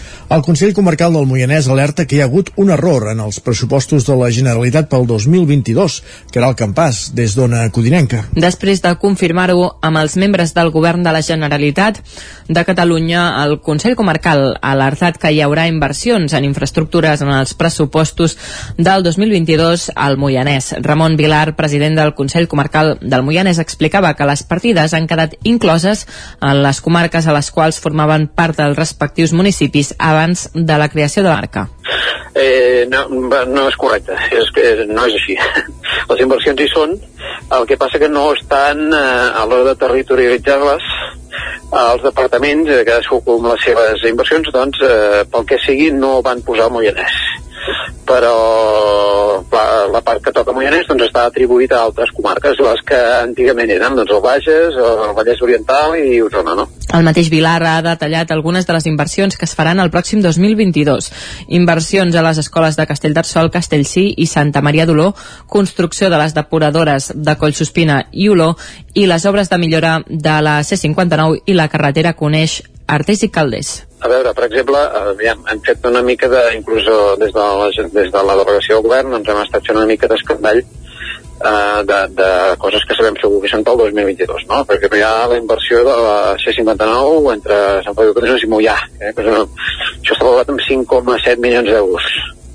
Hi ha, per exemple, eh, depuradores. La depuradora de, de Collsospina, de Calders i d'Olor, que també es farà, almenys la d'Olor, segur que es farà l'any que ve. Des del Consell Comarcal esperen que els dies pròxims hi hagi una rectificació de les dades per part de la Generalitat i alerten que no s'entendria que el Moianès fos l'única comarca sense cap inversió. Gràcies, Caral. En aquest projecte de pressupostos, com bé explicàvem, doncs això, hi apareixia que al Moianès hi, apareix, hi tocaven 0 euros d'inversió, tal com hem explicat, era un error en aquest projecte de pressupostos que està pendent d'aprovació encara. Més qüestions. S'inaugura el tram de la via ciclista del Ter entre el pont de, de Parella, a Sant Joan de les Abadesses, fins a Sant Pau de Segúries, amb un cost d'1,9 milions d'euros. Isaac Muntades, des de la veu de Sant Joan. Divendres es va obrir al públic el nou tram de 2,6 quilòmetres de la via ciclista del Ter entre el pont de Parella, Sant Joan de les Abadesses i Sant Pau de Segúries. En total, el Departament de la Vicepresidència i de Polítiques Digitals i Territori ha invertit 1,9 milions d'euros en aquest tram que connecta les dues poblacions i enllaça amb la ruta del ferro i del carbó fins a Ripoll, un total de 16,9 quilòmetres. El nou recorregut transcorre en paral·lel al marge esquerre del riu Ter des del rec de Can Barrera fins a trobar-se amb la C38 fins a arribar a Sant Pau. El tram final s'ha tardat una mica més a executar perquè no aprofitava tant els camins existents i s'havia d'anar paral·lel a la carretera afectant al mínim les explotacions ramaderes. De fet, tot i l'agraïment dels polítics als propietaris per la seva predisposició, Unió de Pagesos va dir que es van presentar traçats alternatius al departament i segons la representant del Ripollès d'Unió de Pagesos, Raquel Serrat, van optar per destrossar una de les poques planes agrícoles fèrtils del Ripollès, una pancarta a poc més d'un quilòmetre de l'entrada a Sant Pau on s'hi llegia sense pagesia no hi ha territori sense bicicletes sí, feia visible el desacord. Sigui com sigui, la via d'entre 3 i 3 metres i mig d'amplada també consta de 4 accessos a finques personals i de 4 passeres d'entre 24 i 75 metres de longitud d'una estructura ferroviària per salvar el riu Ter i el recs de Can Barrera i quatre cases. La via ciclista del Ter ha de tenir una longitud total de 26 quilòmetres i el secretari general del departament competent, Ricard Font, va recordar el que s'ha fet i el que queda. Hi ha 5 o 6 anys o més vam decidir arribar fins a 7 cases, que era l'objectiu, és a dir, relligar tota la vall de Camprodon amb, amb Ripoll, amb la via ciclista. Hem anat avançant i el que sí que es constata és que això ha sigut ara, arribem ja fins a Sant Pau de Seguries, amb tota l'obra que hem fet. Tenim un tram intermig entre Camprodon i Llanars també doncs, finalitzat i ens quedarà l'objectiu que és que el 2024 arribar ja fins a Vilallonga i jo, eh, que crec que abans de que finalitzi el 2025 hem de poder haver arribat a set cases. El tram entre Vilallonga i set cases és una mica complexa perquè tenim el riu. L'alcalde de Sant Joan, Ramon Roquer, va assegurar que era una inversió que, a banda de portar turisme, també era una infraestructura ideal per la gent del territori. Aquest tipus de vies, i val la pena dir-ho, no només les utilitza la gent de fora, sinó que les està utilitzant, i això ho veiem doncs, als pobles que tenim aquest tipus de vies, la gent de, dels nostres pobles, per passejar, per fer passeig, per relaxar-se, per fer salut, i per tant tenen moltes més utilitats, i utilitats que en gaudim la gent que, que vivim al territori dia a dia. Font també va afirmar que les infraestructures s'integraran amb el temps, ja que els talussos que es veuen quedaran coberts de vegetació. El El secretari va dir que s'ha exportat el model dels Països Baixos per tenir una via de primer nivell. A l'acte van assistir altres personalitats com l'alcaldessa de Sant Pau, Dolors Cambres, o el president del Consell Comarcal, Joaquim Colomer. La coordinadora del voluntariat d'Osona ha rebut el Premi Osonenc de l'any 2020 que atorga el grup el 9-9. El resultat de les votacions es va donar a conèixer divendres en una gala a la sala La Canal de Tona. A la cerimònia també es va conèixer la tasca dels professionals sanitaris. Es va reconèixer, volem dir, la tasca dels professionals sanitaris durant la pandèmia de Covid-19. A l'escriptora Irene Solà i a l'actor i director teatral Abel Reyes. Anna Pujal, Irene Castro i Joan Torró, en representació de la coordinadora del voluntariat d'Osona, recollien divendres el Premi Osonenc de l'any 2020 a la sala la Canal de Tona. Va ser la candidatura amb més suport d'entre els 10 finalistes del certamen que organitza el grup El 9-9. La coordinadora, nascuda al novembre de 2019, aglutina una cinquantena d'entitats, des del Consorci Hospitalari de Vic fins a Osona contra el càncer o Joguina Sense Fronteres, que atenen a més de 100.000 persones. Joan Torró és el president de la coordinadora del voluntariat d'Osona. Sempre hi ha gent bona, sempre hi ha gent fent accions de, de solidaritat i tots hem de lluitar junts eh, per aconseguir aquesta justícia social que hem d'aconseguir per tenir aquest món millor que, que tots necessitem. El voluntariat, la, solidar la solidaritat, en realitat l'amor són les nostres eines per fer un món millor i ho podem fer entre tots. Al guardó també hi optaven com a finalistes l'investigador de l'IRSI Caixa, Julià Blanco, i l'economista Núria Macià, directora de Creació. Blanco va voler compartir el reconeixement amb un altre investigador usonenc amb qui els últims mesos ha treballat en la recerca sobre la Covid-19, Joaquim Segalés, que formava part dels 10 candidats inicials a usonenc de l'any. Escoltem per aquest ordre a Núria Macià i a Julià Blanco. Jo crec que aquest reconeixement ens encoratja a seguir treballant perquè tenim encara molta feina a fer fer. Molta recerca, molta vacuna, molta mascareta en interiors encara, que hi tenim un peu al coll al virus, però això encara no s'ha acabat. Precisament un emotiu vídeo sobre els moments més durs de la pandèmia de Covid-19 va precedir l'homenatge que es va fer al col·lectiu sanitari. El van recollir Fina Carbonell, directora d'Infermeria del Consorci Hospitalari de Vic, Marta Ferrer, directora d'Infermeria de l'Hospital de la Santa Creu, i Laura Almendros, directora de Direcció Adjunta, volem dir, de Direcció del Servei d'Atenció Primària d'Osona. Escoltem precisament a Laura Almendros. Tot això es podria resumir en una sola paraula, cuidar perquè cuidar és l'essència de la primària, és l'essència de l'infermeria, durant la gala presentada pel periodista del 9-9 Guillem Freixa i amb les actuacions musicals de Santi Carcassona amb el seu nou projecte Verge Santa, es van lliurar dos guardons més. L'escriptora Irene Solà va ser distingida per la Cambra d'Osona amb el Premi a la Innovació i el Talent i Abel Reyes, actor i director de teatre, va, rebi, va rebre el Premi Promesa que atorga el Consell Comarcal d'Osona.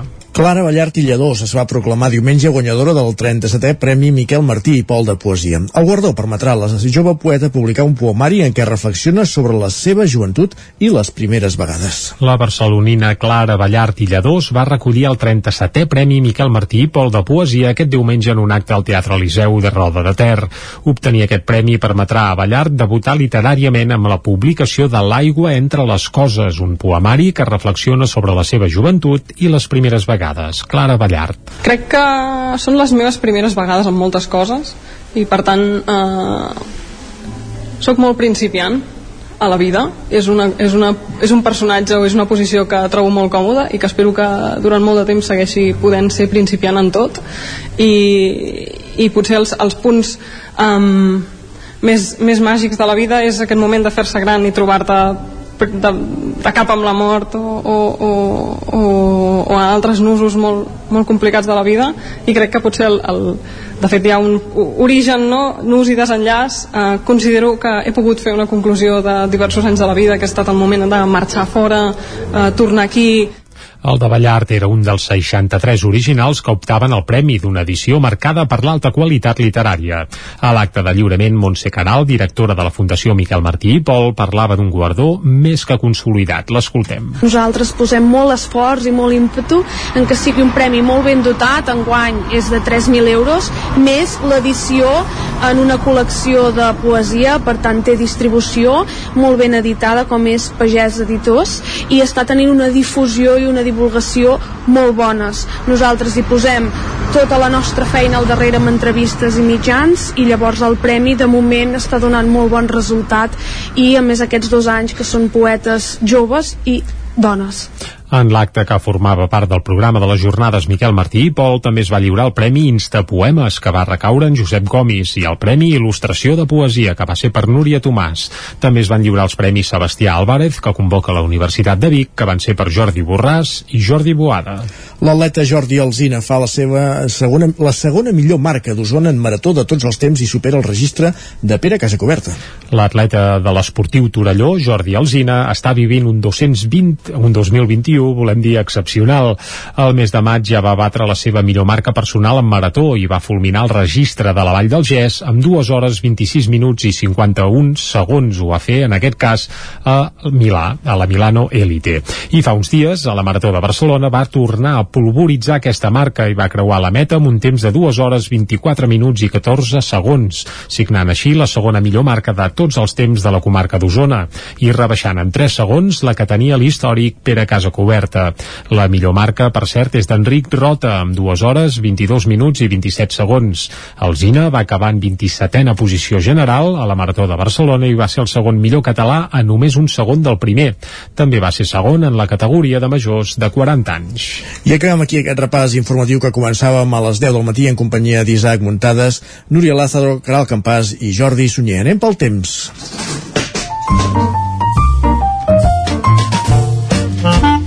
Casa Terradellos us ofereix el temps. I si anem de, pel temps, vol dir que anem per en Pep Acosta, a qui ja saludem de seguida, però hi direm que anem, anem al gra ara, eh, Pep? Anem pel temps d'avui. Bon dia, Pep. Hola, bon dia.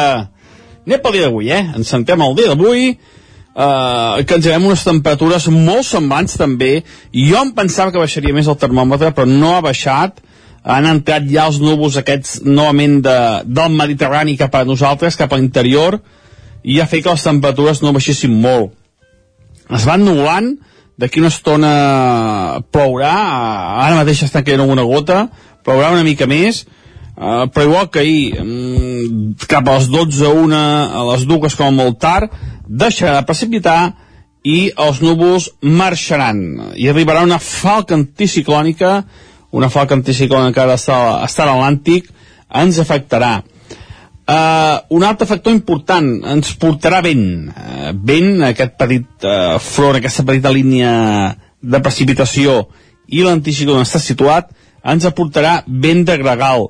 Bufarà moderat fort a les cotes més altes del Pirineu i del Montseny, cops de 60-60, 80 km per hora durant el dia d'avui. Un factor en compte també aquest del vent tot i que els pròxims dies també anirà menys, eh? i és que l'anticicló serà l'amo i senyor de la situació a partir d'aquesta tarda.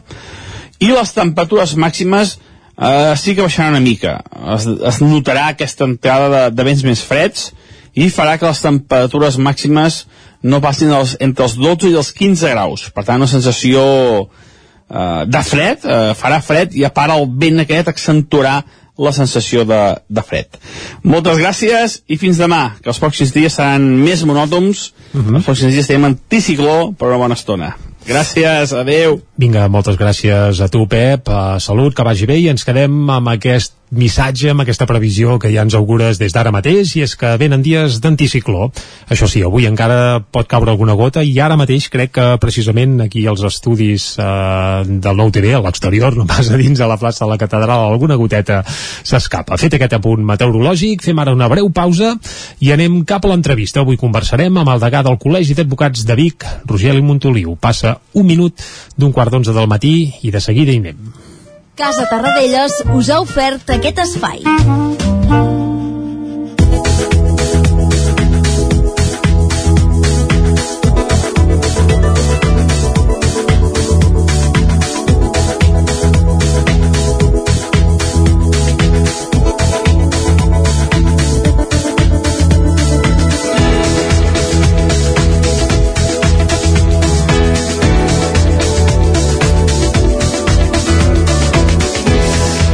Passa un minut i mig, com bé dèiem, d'un quart d'onze del matí, Isaac, i ja tenim aquí a l'estudi el Rogeli Montoliu, eh? Correcte. Moment de parlar amb el degà del Col·legi d'Advocats de Vic. El col·legi va celebrar divendres la festa del seu patró, Sant Raimon de Penyafort, en un acte presidit per la consellera de Justícia, Lourdes Ciuró. L'acte es va homenatjar el lletrat Jaume Puigdecanet, que arriba als 50 anys d'exercici, i el degà del col·legi, com dèiem, Rogeli Montoliu, reivindicava la necessitat de construir un palau de justícia a la ciutat. Bon dia i benvingut, Rogeli Montoliu. Hola, bon dia i gràcies per convidar-nos. Actualment s'estan fent aquestes obres al, jutjats de Vic, s'està adequant la casa Serra i Moret per, amb l'objectiu final de connectar-la amb l'actual edifici de, dels jutjats, del carrer Morgades.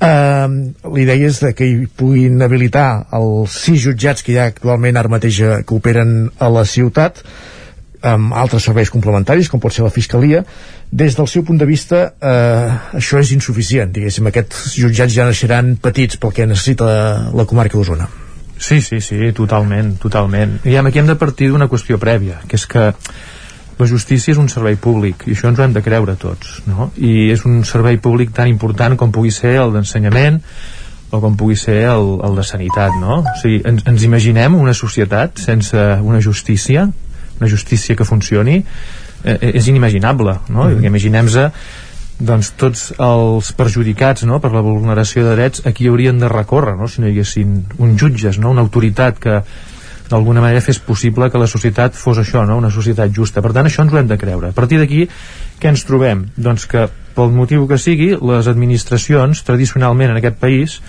doncs no han cregut en la justícia.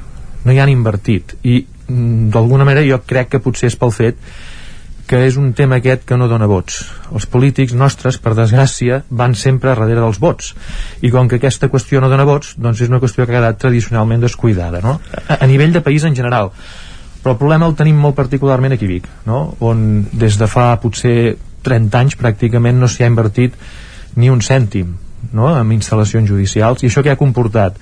Doncs ha comportat que les instal·lacions judicials que avui tenim siguin absolutament bueno, obsoletes. insuficients, obsoletes per poder donar resposta a les necessitats que Osona avui té, que són necessitats molt diferents de fa 30 anys, eh? perquè Osona ha crescut amb tot, en població i amb necessitats, diguem-ne, de, de, de, de, de donar aquest servei de justícia. Llavors, la qüestió que, que tenim sobre la taula és que ara s'ha fet una petita inversió, una obra de remodelació de la Casa Serra Moret, com apuntaves, que perquè la gent ens, ens situïs allà on hi havia la Guàrdia Urbana, no? baixant a la Rambla, sí. a la Rambla de l'Hospital de la mà dreta, que és un edifici que està mm, amb la idea de connectar-se amb l'edifici dels jutjats, eh, que és el que està, perquè ens entengui la gent, al carrer, carrer Morgades, correcte, però tot això mm, des del col·legi i no som només des del col·legi tothom veu que tot això és una mica un pedaç que no ens portarà enlloc. És a dir, aquesta no era la solució. La solució era la construcció d'un palau de justícia perquè eh, quina és la situació actualment dels jutjats de Vic? Eh, entenc que estan saturats, es va amb molt retard, diguéssim, a l'hora de, de donar resposta als casos? La situació, i, no estic ara aquí fent no, eh, exageracions, és, és dramàtica, o sigui, això no ens ho podem permetre les administracions no s'ho poden permetre ni un minut més, per això que dèiem de la importància de la justícia. Procediments que podrien durar 3 mesos duren més de dos anys. Per què això? Doncs perquè no hi ha una instal·lació judicial adequada, no hi ha mitjans ni humans ni tècnics i per tant això comporta lentitud i al final la lentitud què passa? Que es converteix en un col·lapse ja endèmic i cada dia que passa és pitjor. La crisi de la Covid-19 va greujar això? Evidentment no va ajudar, no va ajudar perquè va haver de no, fer una mica replantejar tot plegat, no? en suspensions de vistes i de més. Però el problema no ara, ara no és, no és aquest, ara el problema que tenim és que d'alguna manera mm, amb aquesta remodelació no aconseguiran no aconseguiran les administracions això, donar la resposta que Vic necessita i quan dic Vic, dic el Partit Judicial de Vic i que la gent ens entengui és la comarca d'Osona no? o sigui, perquè ens entenguem a Vic actualment tenim sis jutjats. Des del passat dia 30 de setembre tenim un sisè jutjat, que això és una cosa que sí que s'ha de felicitar a l'administració, ho hem des del col·legi reivindicat llargament, la nostra junta, l'anterior, i finalment això ho tenim. Però quin és el problema? Que Vic no en té prou amb sis jutjats. Vic necessita ja avui probablement vuit jutjats, demà nou, demà passat deu. On els posarem? ja no ens hi cap. En aquest edifici on s'està remodelant tota aquesta qüestió, no, no, no ens hi caben ja més jutjats. Els jutjats penals, amb un no en tenim prou, en necessitem com a mínim dos, perquè fixeu-vos en i no, una cosa. I no, I no n'hi ha cap ara mateix. En aquests moments no en tenim cap, en tenim un d'aprovat i que no saben on ficar-lo. I es diu que el ficarem a la ronda Camprodon, amb un local que és de l'Ajuntament, on per cert, dos no hi caben, eh? però és que un hi ha tampoc. S'han donat compte que únicament n'hi cap mig, és a dir, la sala de vistes i para de comptar. A més a més, això comporta una dispersió dels equipaments judicials, que tampoc és eficient. No funciona tot això. El jutjat de l'ús social, que l'hem de reclamar, o és que a la comarca d'Osona no hi ha treballadors, no hi ha conflictivitat laboral, no hi ha persones que necessiten pensions de la Seguretat Social. Tot això es reclama a través d'un jutjat de lo social. A Manresa tenen tot això que estic dient. I Manresa i Vic pràcticament estem parlant del mateix nombre tant de població com de necessitats de la justícia. Per tant, tot això, eh, diguem-ne que és un pedaç rere l'altre. I al final amb què ens trobarem? I acabo, que hi ha un corrent que és el de la provincialització que en diem de la justícia, pel qual tots aquells eh, partits judicials, com el de Vic, que no tinguin un bon equipament judicial, al final sabeu què faran? Diran, doncs saps què? A Vic abolim els jutjats, desmantellem-los i la gent de Vic, la gent vull dir la ciutadania, el justiciable, nosaltres no estem aquí només pels advocats, estem pels advocats però per la gent també, no? Doncs haurem d'anar tots a fer judicis o a Granollers o a Manresa o a Barcelona i ens ho deixarem perdre. I aquí faig un crit a l'alcaldessa de l'Ajuntament, de l'Ajuntament de Vic, que és qui té que liderar tot aquest tema també, que es posi a treballar, que constitueixi un comitè de crisi amb justícia i si cal amb l'Estat també per mirar de donar una resposta a nivell de les administracions per d'alguna vegada d'una vegada per totes ja poder construir aquest Palau de Justícia que és l'única solució i s'ha de parlar clar, és l'única solució que tenim per poder doncs, eh, donar un servei de justícia com el que la gent es mereix a Europa al segle XXI. Vostè abans parlava d'aquesta sala que s'està habilitant a la Ronda Camprodon per fer-hi els judicis penals ara mateix, perquè, com dèiem, a Vic ara mateix no hi ha signat cap... Ja, sí que hi ha signat aquest penal, però no, no està materialitzat. Els, jutjats, els judicis penals es continuen fent a, a Manresa, diguéssim, i s'està habilitant aquesta sala de vistes a la Ronda Camprodon. Eh, tenen, vostès tenen alguna idea o alguna proposta on podria estar subi- on, on es podria ubicar aquest Palau de Justícia perquè sí que en un pla urbanístic que llavors va tombar la justícia eh, estava projectat o estava pensat ubicar-lo a Graell però no sé si ara mateix, evidentment ara no és el lloc idoni perquè ja està desafectada aquesta zona de la ciutat urbanísticament parlant, però vostès tenen alguna idea d'on podria anar aquest Palau de Justícia? Nosaltres, des, des del col·legi, que de fet el col·legi no ens correspon nosaltres buscar una solució amb aquesta necessitat No. que té la gent És evident, eh, i però que té, que això el territori però bueno, nosaltres oferim tota la col·laboració que podem a més a més, bueno, coneixem lògicament som els primers, no? els advocats els que trepitgem el jutjat i per tant nosaltres ens posem a disposició de les administracions tant és així que el col·legi que no és la seva competència, eh? però ja ha constituït una comissió, que en diem la Comissió del Palau de Justícia de Vic, per treballar, per explorar precisament a on es podria ubicar aquest, aquest, aquest, aquest, aquest, aquest nou equipament per la, per la comarca. No? Eh, tant és així que tenim inclús contractats els serveis d'un eh, arquitecte urbanista, eh? que a més a més ha treballat en el territori i que coneix perfectíssimament el Pla d'Ordenació Urbanística Municipal, el nou POM de Vic, aprovat ara el 2019, i hi han possibilitats, hi han possibilitats. El que passa que el que s'ha de fer és, i no vull pas ara enfadar, enfadar ningú, però eh, potser fer menys tuits no? I, i, i, i treballar per la gent, no? i per tant, posar-nos a colze a colze, tots plegats, el Col·legi d'Advocats doncs, pot d'alguna manera provocar no? aquesta, aquesta col·laboració eh, entre les diferents administracions però que sobretot l'Ajuntament que torno a repetir, aquí té un paper important l'Ajuntament pot desencallar és la clau de volta al final, pot facilitar el Departament de Justícia i si cal a l'Estat a l'Estat facilitant un sol, un equipament eh, eh, de, la ciutat perquè aquest jutjat, aquest Palau de Justícia de Vic, evidentment és per tota la comarca, però s'ha d'emplaçar aquí a Vic, eh? Doncs que eh, hi han solars a disposició i l'Ajuntament els hauria de cedir gratuïtament. Ja cedeix gratuïtament el local de la Ronda Camprodon, però amb això ja ho hem dit, no anem enlloc. Ja cedeix la casa Serra Moret, que també és de l'Ajuntament, però amb tot això no anem enlloc. El que hem de fer és cedir un solar que tampoc ha de ser tan gran, i ja n'hi ha a la ciutat, i que Justícia faci el resto. Justícia què dirà? No, és que no tenim diners però Justícia, la consellera, ja ho va dir aquest divendres, ho va dir el dia 22 quan també va venir el col·legi en visita, és conscient de la necessitat de la construcció d'aquest palau. Ara ja ens hem adonat d'una vegada per totes que si no diem les coses pel seu nom estem enganyant-nos a nosaltres mateixos. Tots ja sabem que l'hem de fer. Ara és veure com el fem. Hi ha diferents models, hi ha diferents vies per poder-lo tirar endavant, però de fer-lo l'hem de fer. Rogel i Montoliu, continuarem parlant en altres ocasions, perquè, per exemple, avui no hem pogut parlar de, del funcionament de, del Col·legi d'Advocats o de, o de les, la salut de l'advocacia de la comarca d'Osona, que segur que en aquest cas és, és, és bona. Moltíssimes gràcies per ser avui al Territori 17 a parlar d'aquesta reivindicació d'aquest Palau de, de Justícia i, i fins la propera, com dèiem. Moltes gràcies. I ara mateix falta 3 minuts i mig perquè siguin dos quarts d'onze. Continuem al Territori 17. Fem tot seguit una pausa de 3 minutets i tornem de seguida amb la resta de continguts continguts previstos per aquest dimarts 16 de novembre. Passarem uh -huh. per... En Guillem Sánchez ens portarà les privades, passarem per la taula de redacció i abans d'arribar al punt de les 11 saludarem també en Marc Ordeig del Centre d'Estudis dels Rius Mediterranis per parlar sobre els efectes del canvi climàtic sobre els nostres rius. Continua, per tant, com dèiem, al Territori 17. Exacte. Ara fem una breu pausa, tornem a dos quarts en punt, aquí, a Territori 17. El nou FM, la ràdio de casa, al 92.8. El diumenge 21 de novembre vine a la tercera edició de la Fira del Fredeluc i la Botifarra a Santa Eulàlia de Riu Primer. Participa la sortida boletaire amb l'expert Marc Casabós, activitats familiars, artesans, jocs infantils tradicionals, fira de productes de proximitat i molt més. I a les 12 del migdia, tas de productes elaborats amb bolets. El 21 de novembre, Fira del Fredeluc i la Botifarra a Santa Eulàlia de Riuprimer. Més informació a santaeulàliariuprimer.cat. Rètols 2A. Experts en comunicació visual. Rètols, banderoles, vinils, impressió, plaques gravades, senyalització, displays... Rètols 2 Art. Ja són 25 anys al vostre servei. Ens trobareu a la carretera de Vic a Olot, número 7, al polígon Malloles de Vic dosartvic.com Telèfon 93 889 25 88 Pot ser l'entrepà de l'escola, que molts nens s'han tornat a oblidar.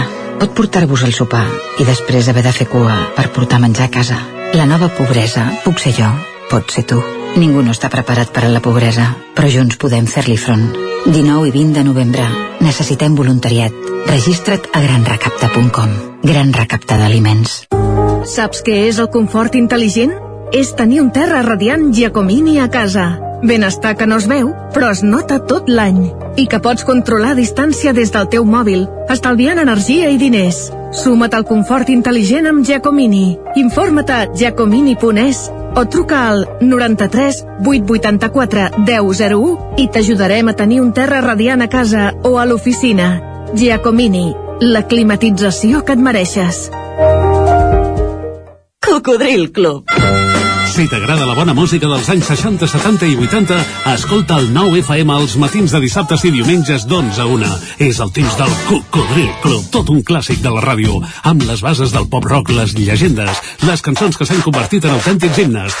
Recorda, dissabtes i diumenges al matí, d'11 a 1, al 9 FM 92.8. Cocodril Club, el programa revival de l'Albert Malla. Hasta luego, cocodrilo. Cobertes serveis funeraris. Els nostres tanatoris estan ubicats en els nuclis urbans més poblats de la comarca d'Osona per oferir un millor servei. Tanatori de Vic, Tanatori de Manlleu, Tanatori de Centelles i Tanatori de Roda de Ter. Sabem que són moments difícils i per això el nostre compromís és atendre-us en tot moment amb un tracte humà, sensible i respectuós. Cobertes serveis funeraris. Telèfon 24 hores 93 883 23 46.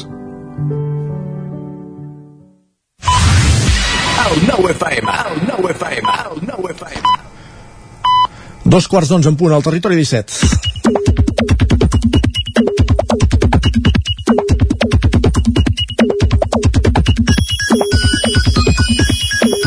I és moment ara d'anar per conèixer què diu Twitter, què s'hi cou a Twitter amb en Guillem Sánchez, com cada dia. Que ja el tenim aquí, a l'estudi. Guillem, bon dia. Bon dia, Jordi, bon dia, Isaac. Uh, bon dia i bon de tot, eh? Uh, què ens portes avui, aviam? Doncs avui ofertes de, de feina, per si algú s'està plantejant ah. canviar de feina, té l'opció d'anar a treballar per la, per la NASA, últimament. Home, queda una mica lluny, eh? Però quins requisits demanen? A, a veure, diu, es busquen voluntaris per passar dos mesos al llit i per això s'ofereixen 11.000 euros a les persones que s'hi vulguin apuntar en aquesta, en aquesta idea. Dos mesos al llit? Al llit, estirat. Sense fer res? Completament estirat. Tot el que facis, que ho facis al llit. Diu, es busquen persones d'entre 24 i 55 anys que no fumin, que facin entre 1,53 i 1,90 d'alçada i que estiguin això disposades a passar dos mesos per tal de poder fer un experiment sobre gravetat artificial. Home, en principi els requisits els compliríem, eh? Ara, les ganes d'estar dos mesos esterrassats al llit, jo no ho acabo de veure clar. Això és el que ha despertat eh, aquesta mica de conversa també a Twitter. Per exemple, l'usuari Rapitenc sense filtre diu dos mesos en pijama i sense veure a ningú. Call me please, NASA. En canvi, la Marta té una altra opinió. Diu quin horror passar-hi dos dies per voluntat pròpia encara és fantàstic, però dos mesos obligat és terrible. Obligat tampoc, eh? vull dir, si, si ho Ah, fas no, és no, perquè... el que vol uh, és perquè no no ho fa i punt, va, nosaltres ja ho he descartat, va, no m'hi presentaré, vinga. I a més, segurament les ofertes, tot i que no s'hauran fet esperar, també donava punts al fet de saber alemany, perquè es veu que l'experiment es farà a Colònia, a Alemanya. carai. Per tant, això ja ens descarta, em sembla, almenys a mi sí que, em- sí que em descarta Home, definitivament. l'Isaac Moreno fa cara de saber una mica d'Alemany, eh? Gens ni mica. Oh. Bé, bé, Doncs jo va. em quedaria amb el Danke i, i ja està. Anem-hi, anem-hi. Doncs va, comencem la secció coses que he escoltat a un bar de Vic. Ahir parlàvem de si la situació del català està en perill o no, de si la gent el parla bé, si no el parla bé, i en Peyu ens comparteix per Twitter una reflexió. Diu, soc a un bar de Vic, dues noies universitàries estudien i discuteixen per què han de fer un examen d'anglès. No sé si aprovaran l'examen, però la discussió la tenen en un català que no els hauria ni d'haver permès accedir a la universitat. Mare de Déu. Mare de Déu, com està, com Vigi està el nivell? vigilem Peyu amb aquests tuits que l'altre dia envia el Duran per fer una cosa encara Sí, el vaig llegir. més, més tova ha rebut una llau de crítiques de supremacista i... Bé, en fi, és igual. Sí, en Peyu crec que està curat d'espants, Sí, eh? també és Té una cuirassa bastant important i des d'aquí una abraçada I de fet, si algú vol, vol escoltar una mica o llegir en aquest cas què, què va respondre la gent i què va respondre ell, també pot consultar el seu perfil de, de Twitter i, i allà podrà gaudir-ne per complet. I de les converses al bar, de les converses també al transport públic, que són també un pou de saviesa popular, diguem-ho així. L'Arnau ens comenta fascinat amb el discurs d'una senyora al bus que acaba de concloure amb El progreso es un asco segle XXI i mira, reflexions encara d'aquest d'aquest nivell. I vosaltres, Jordi Isaac, no sé si sou més de dutxar-vos al matí o al vespre? Uh, matí. Jo al vespre. Doncs en Jordi té una teoria al respecte d'això. Diu, Ara que, ara que som propers al col·lapse de la civilització, crec que ja es pot dir que la gent que ens dutxem al vespre hem assolit un estadi superior dins de l'evolució humana. Ara Els- pla. Diu, els que es dutxen pel matí no, s'havia de dir i s'ha dit. Home, jo cal dir que el meu uh, únic motiu és dormir 5 minuts més del matí. Jo per anar a dormir al vespre no tinc cap problema i puc anar ben tard, però llevar-me al matí em costa més. Per tant, prefereixo dutxar-me al vespre. És a dir, que no cal buscar tres peus al gat. A mi també eh? em costa llevar-me al matí, però un cop dutxat també es, es, estàs un pèl més despert, cal dir-ho. Doncs va, i quan arriba el fred també poden passar coses com aquestes. La Nerea ens explica odi etern al moment de saber si això està humit o està fred quan has de recollir la roba estesa durant la temporada de tardor i d'hivern. Està fred, que- ai, està moll segur. I fred també i humit també, és a dir, que tot es faria. En Joan, de fet, apunta una, una solució per, per poder resoldre aquest dubte. Diu, jo ho oloro, no em diguis com ho sé, però no fallo. A vegades el niar dental que portem a dintre encara funciona. Ara també s'ha de dir que sé tu qui posa la rentadora i qui estén la roba i sap el temps que du també ajuda una mica. Correcte. Molt bé, doncs està bé. I no sé si us han dit mai que gent que ve per aquí a Vic o Osona o la Plana diu, eh, diuen allò de Vic fa, fa pudor, Osona fa, Oh, fa tant. pudor, suposo que, ho heu- clàssic, que ho heu sentit, no? Notícia del Nacional eh, d'aquesta setmana diu Reus, Vilanova i la Geltrú, els dos municipis que fan més pudor. Ah, sí? I Vic ja ho van comptar també?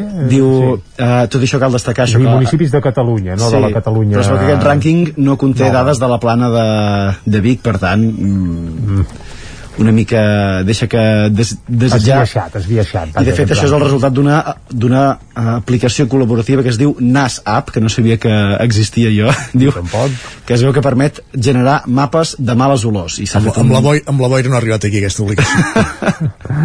No és això. I recordeu que ahir parlàvem del famós abismo de Tavernoles en Sí, relació a i aquelles fotografies de La Vanguardia, doncs avui tenim uh, un segon capítol també.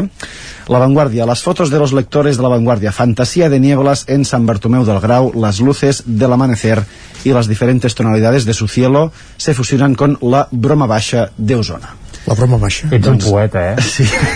Però clar, estàs reproduint ja poesia escrita, eh? Per tant, series un rapsoda, diguem-ne. Doncs amb la broma baixa acabem la secció de- d'avui. Gràcies, poeta. Que vagi bé. Exacte, moltes mercès i abans de seguir fem un cop d'ull a les portades del 99.cat comencem per Osona i el Ripollès però ara mateix el que hi apareix a la portada però és del Moianès recordem que aquest dilluns per cert va sortir també l'especial Moianès tant en l'edició d'Osona i el Ripollès com amb, amb la del Vallès Oriental i el titular part és exercitar la ment a través de la cultura i tot plegat respon a una activitat que es va fer aquest cap de setmana a Castellterçol. A l'edició d'Osona i el Ripollès també apareix que els segals d'Osona tornen a la plaça. Ho van fer aquest diumenge a la plaça de la Catedral de Vic en la seva diada. Més coses que apareixen a la portada d'Osona i el Ripollès del 99.cat, doncs que les línies d'autobús per evitar la massificació de vehicles del Montseny es consolidaran, per tant deixaran de ser un experiment puntual per passar a ser fixa. I també que el Festival BBVA de Cinema de Muntanya de Torelló ja està en marxa i seguirà viu i actiu fins dissabte en què es farà la gala d'entrega de premis. Anem ara a l'edició del Vallès Oriental. La Verda, som -hi. La Verda també obre precisament amb la mateixa peça que la d'Osona i el Ripollès, aquesta activitat que va tenir lloc a Castellterçol al cap de setmana, exercitar la ment a través de la cultura.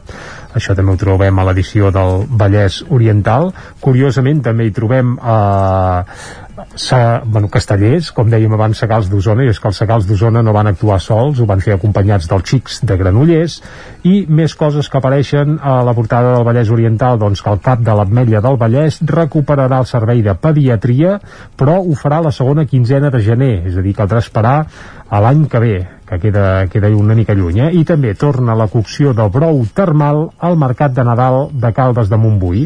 Per tant, tothom que hi vulgui podrà gaudir del brou termal de Caldes, cosa que l'any passat per culpa de la Covid no va poder ser del tot possible. Perfecte, Jordi. Repa després de repassar els digitals del 99.cat és moment d'entrar a la taula de redacció.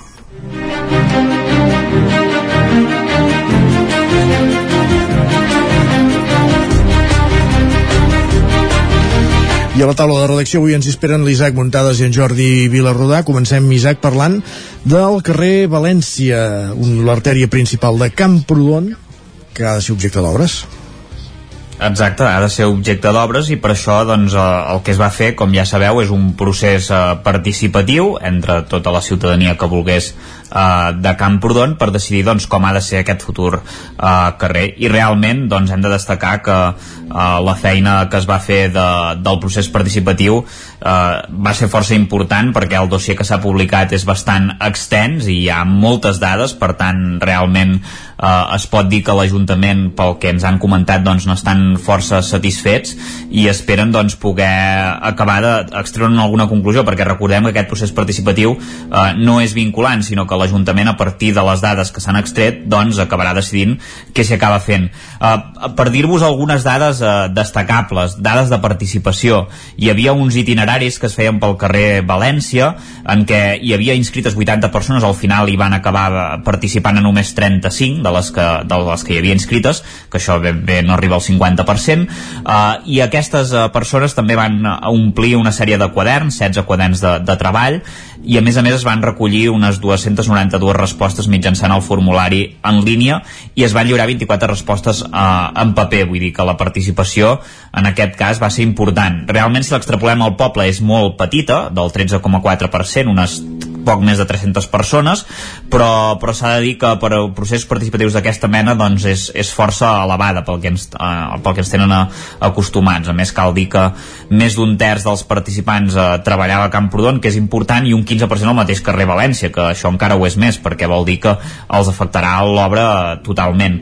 Eh, com a més destacat jo crec que s'ha de destacar el, el que volen sobretot doncs, eh, les persones eh, que volen que prefereixen una plataforma única del carrer i que els cotxes passin de, de dilluns a, a divendres no? això seria una mica eh, el més eh, important una plataforma doncs, ja, a una sola via sense, sense voreres això seria el, el que més destaca i també eh, sobre el, els materials eh? per exemple molta gent apostava pel Bassal però també eh, es demanava que s'obrissin doncs, altres possibilitats perquè eh, també és un material doncs, que, que rellisca eh, en certa manera i que això pot provocar eh, ensopegades i per tant doncs, també hi va haver gent que apostava més per al rentat d'àcid però bé, això és una cosa que s'haurà d'acabar sí, una cosa molt tècnica no? si em demanen a mi què és el rentat, la diferència entre el rentat d'àcid i el basal realment tindria problemes ara mateix Sí, sí, sí, no, no, realment és, és, és una cosa molt tècnica, de fet amb aquest punt segurament és el que està eh, el que està acabant de decidir l'Ajuntament, que és de les poques coses que falten, realment amb una setmaneta o així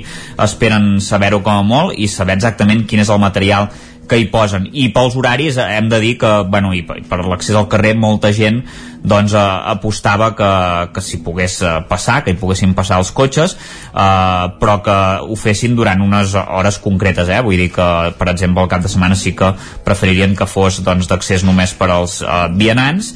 Un 6% deia que havia de ser només per vianants i l'1% deia que havia d'estar sempre obert a vehicles. Per tant aquí eh, als extrems diguéssim que hi havia eh, poca gent que hi estava a favor eh? també més d'un 17% dels participants creia que s'havia de mantenir l'horari actual de pas i un 15% eh, volia que es mantingués el carrer tancat als vehicles excepte pel veïnat, pel comerç i pels vehicles autoritzats. Per tant, eh, ja ho veieu, eh? bastant interessant doncs, eh, tot aquest dossier del carrer València. Esperem que en les pròximes setmanes puguem parlar-ne amb l'alcalde en una entrevista i que, que ens ho acabi d'explicar. De, Perfecte, doncs n'acabarem de parlar llavors. Gràcies, Isaac.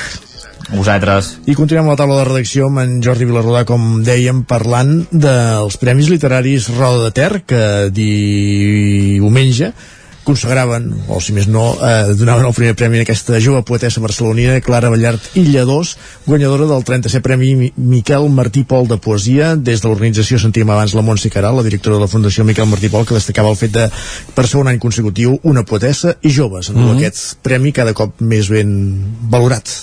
Efectivament, i, i de fet eh, s'ha de precisar que això de que sigui mm, dona, jove, eh, eh, tot això és, és fruit de de la qualitat perquè el jurat no sap i això eh, ho sabem perquè coneixem persones de, del mateix jurat que, que ho certifiquen com a qualsevol jurat que sigui com Déu mana doncs no saben que estan, de qui és allò que estan jutjant, o sigui, ells a més veuen un recull de poemes i a més a més aquest any en tenien 63 per triar, que no és poca cosa i, i el valoren d'acord amb la seva qualitat. Després un cop han decidit llavors saben de qui és.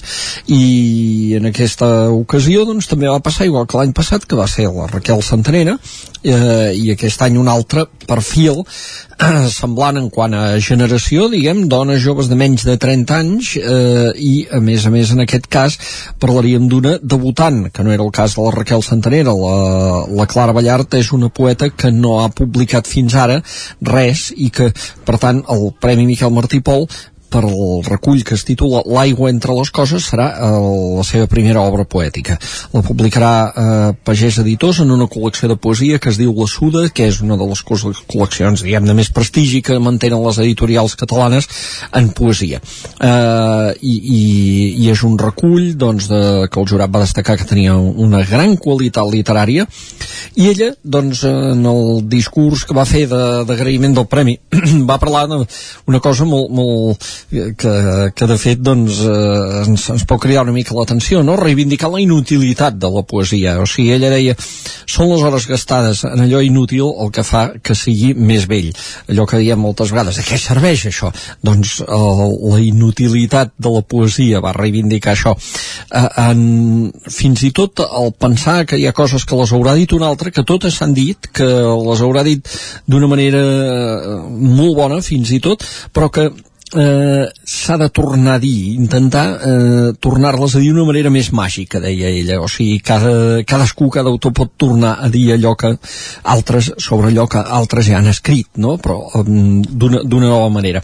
I, i bé, eh, aquest poema, doncs, és aquest llibre de poemes, perdó, eh, sortirà publicat, com dèiem, doncs, dintre d'aquest any, no, no caldrà esperar un any, segurament, doncs eh, estarem parlant de la primavera vinent, i serà el 37è Premi de Poesia Miquel Martí Pol en aquest, entregat aquest diumenge en un dia en què més s'entregaven altres premis, eh, que mm -hmm. també els relacionats amb la poesia de Miquel Martí Pol, per exemple, un premi d'Instapoemes, és a dir, fotografies d'Instagram vinculades a poemes de Miquel Martí Pol, i també un altre d'il·lustració, que va ser per la il·lustradora Núria Tomàs, que va fer una sèrie de dibuixos inspirats en els poemes d'Estimada Marta i que il·lustraran el calendari de la Fundació Miquel Martí Pol de, de l'any 2022. Uh, també s'entregaven els premis de de pedagogia, mm, que no té res a veure amb la poesia de Miquel Martí Pol, però sí amb Roda de Ter, un premi que es diu Premi Sebastià Álvarez en memòria d'un mestre que es deia així, Sebastià Álvarez, que havia estat mestre de Roda, on va deixar una petjada important i aquest premi premia treballs de, de final de grau o de final de màster de la Universitat de Vic, treballs d'educació relacionats amb la pedagogia, amb l'educació. Cert, també en va sortir algun de molt interessant. Perfecte, era l'acte més destacat d'aquestes jornades Miquel Martí Pol, que com cada mes de novembre se celebren a Roda amb motiu de l'aniversari de, la, de la mort del poeta, que també es va commemorar amb un acte al cementiri. I, i, que, i, que encara, I que encara continuen, eh? de fet, aquestes jornades, encara hi ha alguns actes aquest cap de setmana, doncs el, el, el la web de la Fundació Miquel Martí Pol, a l'agenda del 9-9 de divendres, a més a més, doncs, la gent veurà doncs, que encara hi ha alguns actes eh, dintre d'aquest proper cap de setmana. Perfecte, Jordi, moltíssimes gràcies. Acabem aquí la taula de redacció. Parlem tot seguit de medi ambient al territori 17.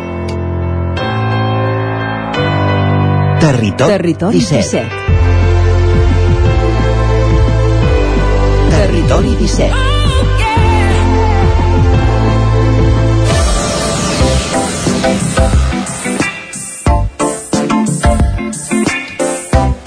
I els dimarts, a aquesta hora, és moment de parlar de meteorologia, de medi ambient, amb diversos col·laboradors que tenim en aquesta roda cada setmana i avui és el torn de saludar en Marc Ordeix, el director del Centre d'Estudis dels Rius Mediterranis de la Universitat de Vic, Universitat Central de Catalunya.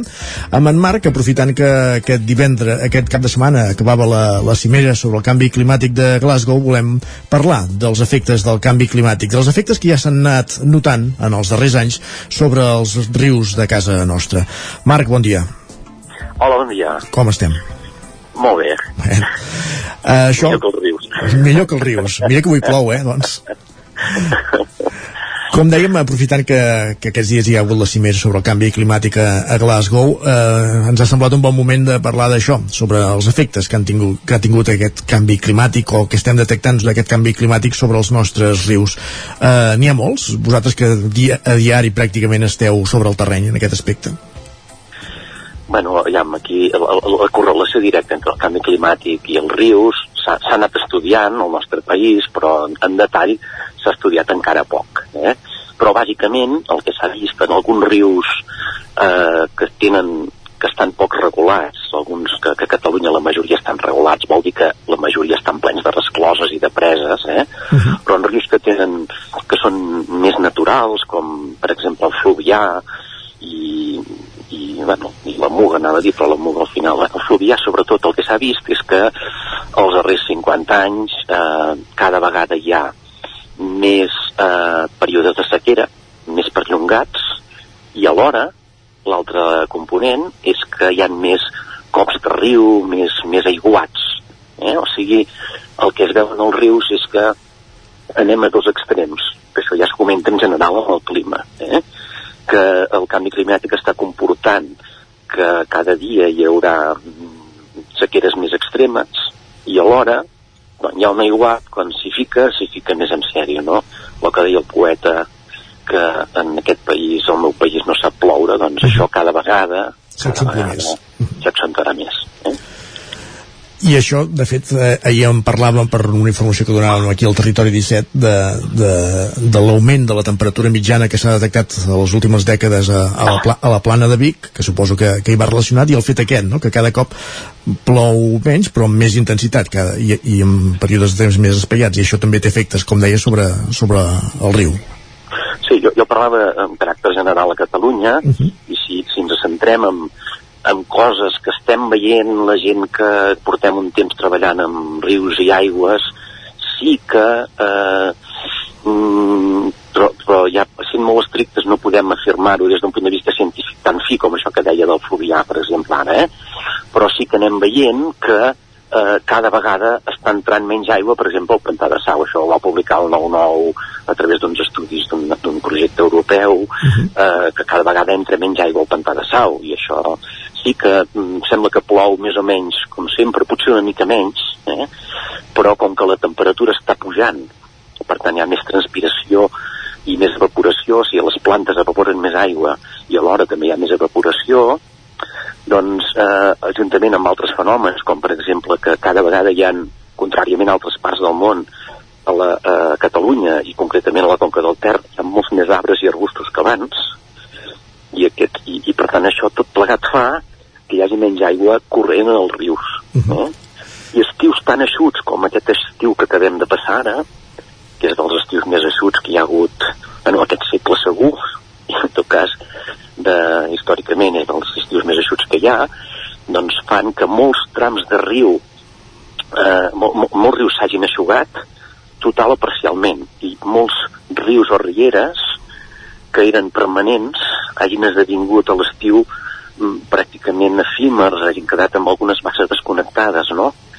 I, i això és molt greu de cara, sobretot, a alguns grups de peixos, d'invertebrats, per la fauna en general i la flora. Eh? Ara, ara ho anava a dir, això, evidentment, a simple vista veiem, nosaltres veiem el riu eixut, però això té conseqüències evidents sobre l'ecosistema. Exacte, per exemple, eh, mm, ja dic que dic una mica en general, però eh, tenim els rius que, que tenen molts impactes, no? Eh, podem parlar de la contaminació, podem parlar de que hi ha eh, rescloses, espècies invasores, etc. Podríem parlar amb més detall d'això, no? Però clar, si els rius els falta aigua, i són rius que eh, són permanents, o sigui que tenen un cabal mm, més o menys regular al llarg de l'any, que va variant, però que sempre hi passa un fil d'aigua, eh? doncs si de permanents passen a semipermanents, que en diem, o efímers, canvia totalment eh, els animalons i les plantes que, que, que allotgen, no? I per tant, eh, ens trobem que, que alguns grups desapareixen, eh? I històricament, per exemple, puc, puc posar dos exemples de peixos, que és la cosa que coneix potser més la gent, no? Eh, les truites arribaven fins als anys, fins al temps de la guerra, uh -huh. perquè quan parles amb gent gran has de parlar del temps de la guerra, eh? Sí, sí, doncs, és la referència que tenen, sí. Eh, entrevistant gent gran, eh, eh, cosa que havíem fet temps enrere per veure quina fauna hi havia a Osona, doncs molta gent gran ens deia, no, no, jo és que Roda habitualment agafava truites, a Roda de Ter, eh? I no era una persona, sinó que era molta gent, eh? Però fins i tot jo que tinc 55 anys de jovenet, eh, havia agafat, havia pescat alguna truita a la cua del pantà de Sau, m'explico? Uh -huh. eh, però gent de, que ara tindrien 90 o 100 anys, de petits, de joves, agafaven regularment truites a roda de ter. Ara això és impossible. Eh? Sí, realment sí. La temperatura de l'aigua va pujant, els rius porten més, menys aigua i aquesta aigua s'escalfa més, i les truites que necessiten viure amb aigües més fredes no poden viure a la plana de Vic i ara ja només les trobes, les comences a trobar de Sant Quirze de Besora en amunt, per exemple. Eh? Sí. Això és el canvi climàtic. I això està passant a Osona, però està passant a Catalunya i a tot el sud de la Mediterrània. Les truites tiren 30, 40, 50 quilòmetres riu amunt perquè no tenen les condicions per viure més avall, perquè hi fa massa calor. Eh? Això ho estem veient a la Riera Major, també, per exemple, Uh -huh. etc. Eh? I altres espècies, no sé si animals o també vegetals, diguéssim, que, que puguem notar efecte, veure conseqüències d'aquests efectes? Eh, un, un, altres espècies, per exemple, no sabem exactament per què, però a tot Catalunya, amb un altre peix que és menys conegut com la bagra, sí. eh, que és un peix platejat, que recorda una sardina, eh? Uh -huh. és un peix que era molt comú al Ter, a la Riera Major, a molts, a molts rius de Catalunya. D'aquest sí que no fa tants anys. Eh, pràcticament ha desaparegut de, de tot el país. Eh? Potser hi ha altres elements, de, alguns paràsits, potser hi ha eh, competència amb altres espècies d'aquestes que han anat arribant, etc. I, I el cas és que necessita tenir una certa profunditat, un cert cabal, i com que els rius porten menys aigua, segurament això no els ajuda. Si és la causa principal o no, no ho sabem amb certesa, no? Uh -huh. Però com que em demanes eh, altres elements que no siguin de fauna, per exemple, nosaltres estem treballant en un projecte europeu per recuperar els verns, eh? Sí. que és un dels arbres de ribera més típics que hi ha a prop del riu, els arbres, aquesta, aquesta filera d'arbres que ressegueix el riu eh, arran d'aigua, doncs el vern necessita tenir sempre les arrels xopes, les arrels en contacte amb l'aigua. Doncs els verns també estan desapareixent. Els verns, que són els arbres que necessiten més humitat de tots els que tenim eh, a la major part de Catalunya, sobretot al nord-est, que és més humit, doncs eh, el Ter en queden poquets, el Gurri en queden poquets, eh, o sigui, tenen moltes més dificultats de sobreviure que abans per això mateix, perquè com que el nivell dels rius i rieres i torrents va baixant, es queden amb les arrels eixutes i per tant els arbres comencen a secar-se, comencen a caure els fulles, etc. I això es deu que afecta sobretot a les vessants solelles, a les vessants sud, que són les que reben més insolació, que són les que s'assequen més. Uh -huh. no? I això passa a Osona, i passa al Ripollès, i passa a moltes altres parts de Catalunya, eh? no només aquí. Eh? Doncs són alguns dels efectes del que, com dèiem, no? el, el, el, canvi climàtic sobre, sobre els rius. Durant tota aquesta estona, Marc, has estat parlant bastant, de fet, el primer exemple que posaves del riu Fluvià, perquè hi havia hagut menys intervenció humana, però anat citant les rescloses, que suposo que ja n'hem parlat altres vegades, però tampoc ajuden moltes vegades a, a mantenir determinats ecosistemes, perquè fan de, de frontera, no? diguéssim, del que seria el camí natural de, del peix, per entendre'ns? Clar, les rescloses és un, és un element més eh, que, que, que és, és un impacte més de la fauna que tenim aquí. Uh -huh. I si a més a més del canvi climàtic seguim mantenint aquests obstacles en el riu, doncs hem de pensar que no, mm, diguem que, que, que hem, de, hem de repensar fins a quin punt eh, val la pena que existeixin o no existeixin les rescloses, no? Uh -huh. eh, ho hem comentat altres vegades, quan eh, hi ha una resclosa perquè doncs, n'hem de treure energia hidroelèctrica i de llum de moment en volem fer servir tots, doncs d'acord, fem anar, fem, obtenim energia hidroelèctrica, però al mateix temps hem de, hem de, hem de procurar que les empreses o els ajuntaments, perquè hi ha ajuntaments que tenen sals hidroelèctrics, o les comunitats d'usuaris o el que sigui, doncs també respectin el cabal ambiental i que tinguin rampes per peixos perquè els peixos puguin fer les seves migracions llavors sí que l'energia hidroelèctrica doncs serà verda de veritat eh? i respectarà i no serà un impacte més que s'afegirà però bé, també hi ha, també hi ha rescloses que, que no serveixen per res i que s'han de tirar a terra. Eh? És el que anava a dir, ara a, a Trolló ha estat un, hi ha hagut una intervenció ah, en, aquest, en aquesta línia. En què millorarà aquest tram de, de riu? En què millorarà? Doncs mira, un, amb els grups aquests que parlàvem ara eh, que tenen dificultats per, per sobreviure, penseu que en el tram aquest, per exemple, de Torelló és un tram petitó, perquè perquè el Ter és dels, dels rius de Catalunya que hi ha més rescloses, que hi ha una resclosa cada 800-850 metres, eh? i en aquest cas doncs, tindrem una mica més de tram de riu sense resclosa. Uh -huh. Els trams de riu sense rescloses doncs, milloren en molts sentits. Eh, permeten que s'hi refugin i que s'hi alimentin invertebrats i peixos que dins de l'aigua quieta de la resclosa no hi poden viure. Eh? I la majoria dels peixos i els invertebrats i la flora autòctona necessita aquests trams d'aigua que vagi saltant enmig dels còdols, etc. Per tant, millorarà i de molt la biodiversitat de tot aquest tram de riu. Mm, a part, a part d'això, també millorarà, i per això suposo que es va seleccionar, el risc, es reduirà el risc d'inundabilitat de, de, del polígon de l'economia de Torelló. Uh -huh eh? perquè això també es va construir un polígon industrial en un lloc que era inundable, sí. que potser ja no s'hauria d'haver fet, i per tant el risc que van assumir en aquell moment els promotors i l'Ajuntament doncs era molt, eh, bueno, va ser molt elevat, potser per desconeixement, i ara d'aquesta manera doncs, hi ha molt menys risc d'inundabilitat. Mhm. -huh. eh?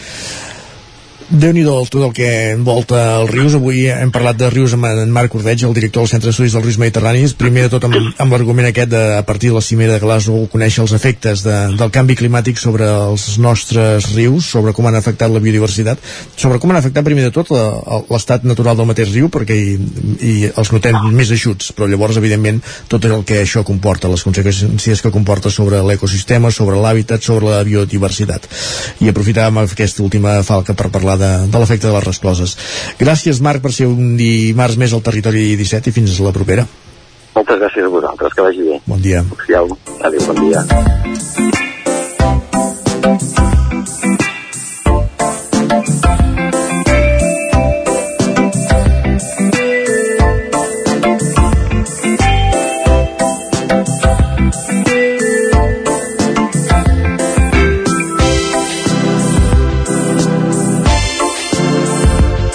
I arribats a aquest punt, després de parlar de biodiversitat, després de parlar del canvi climàtic sobre els rius, és moment de continuar amb el camí d'aquest territori 17 d'aquest 16 de novembre de 2021. Ara mateix, quan són les 11, i és moment de posar-nos al dia d'actualitzar les notícies. Territori 17, amb Isaac Moreno i Jordi Sunyer.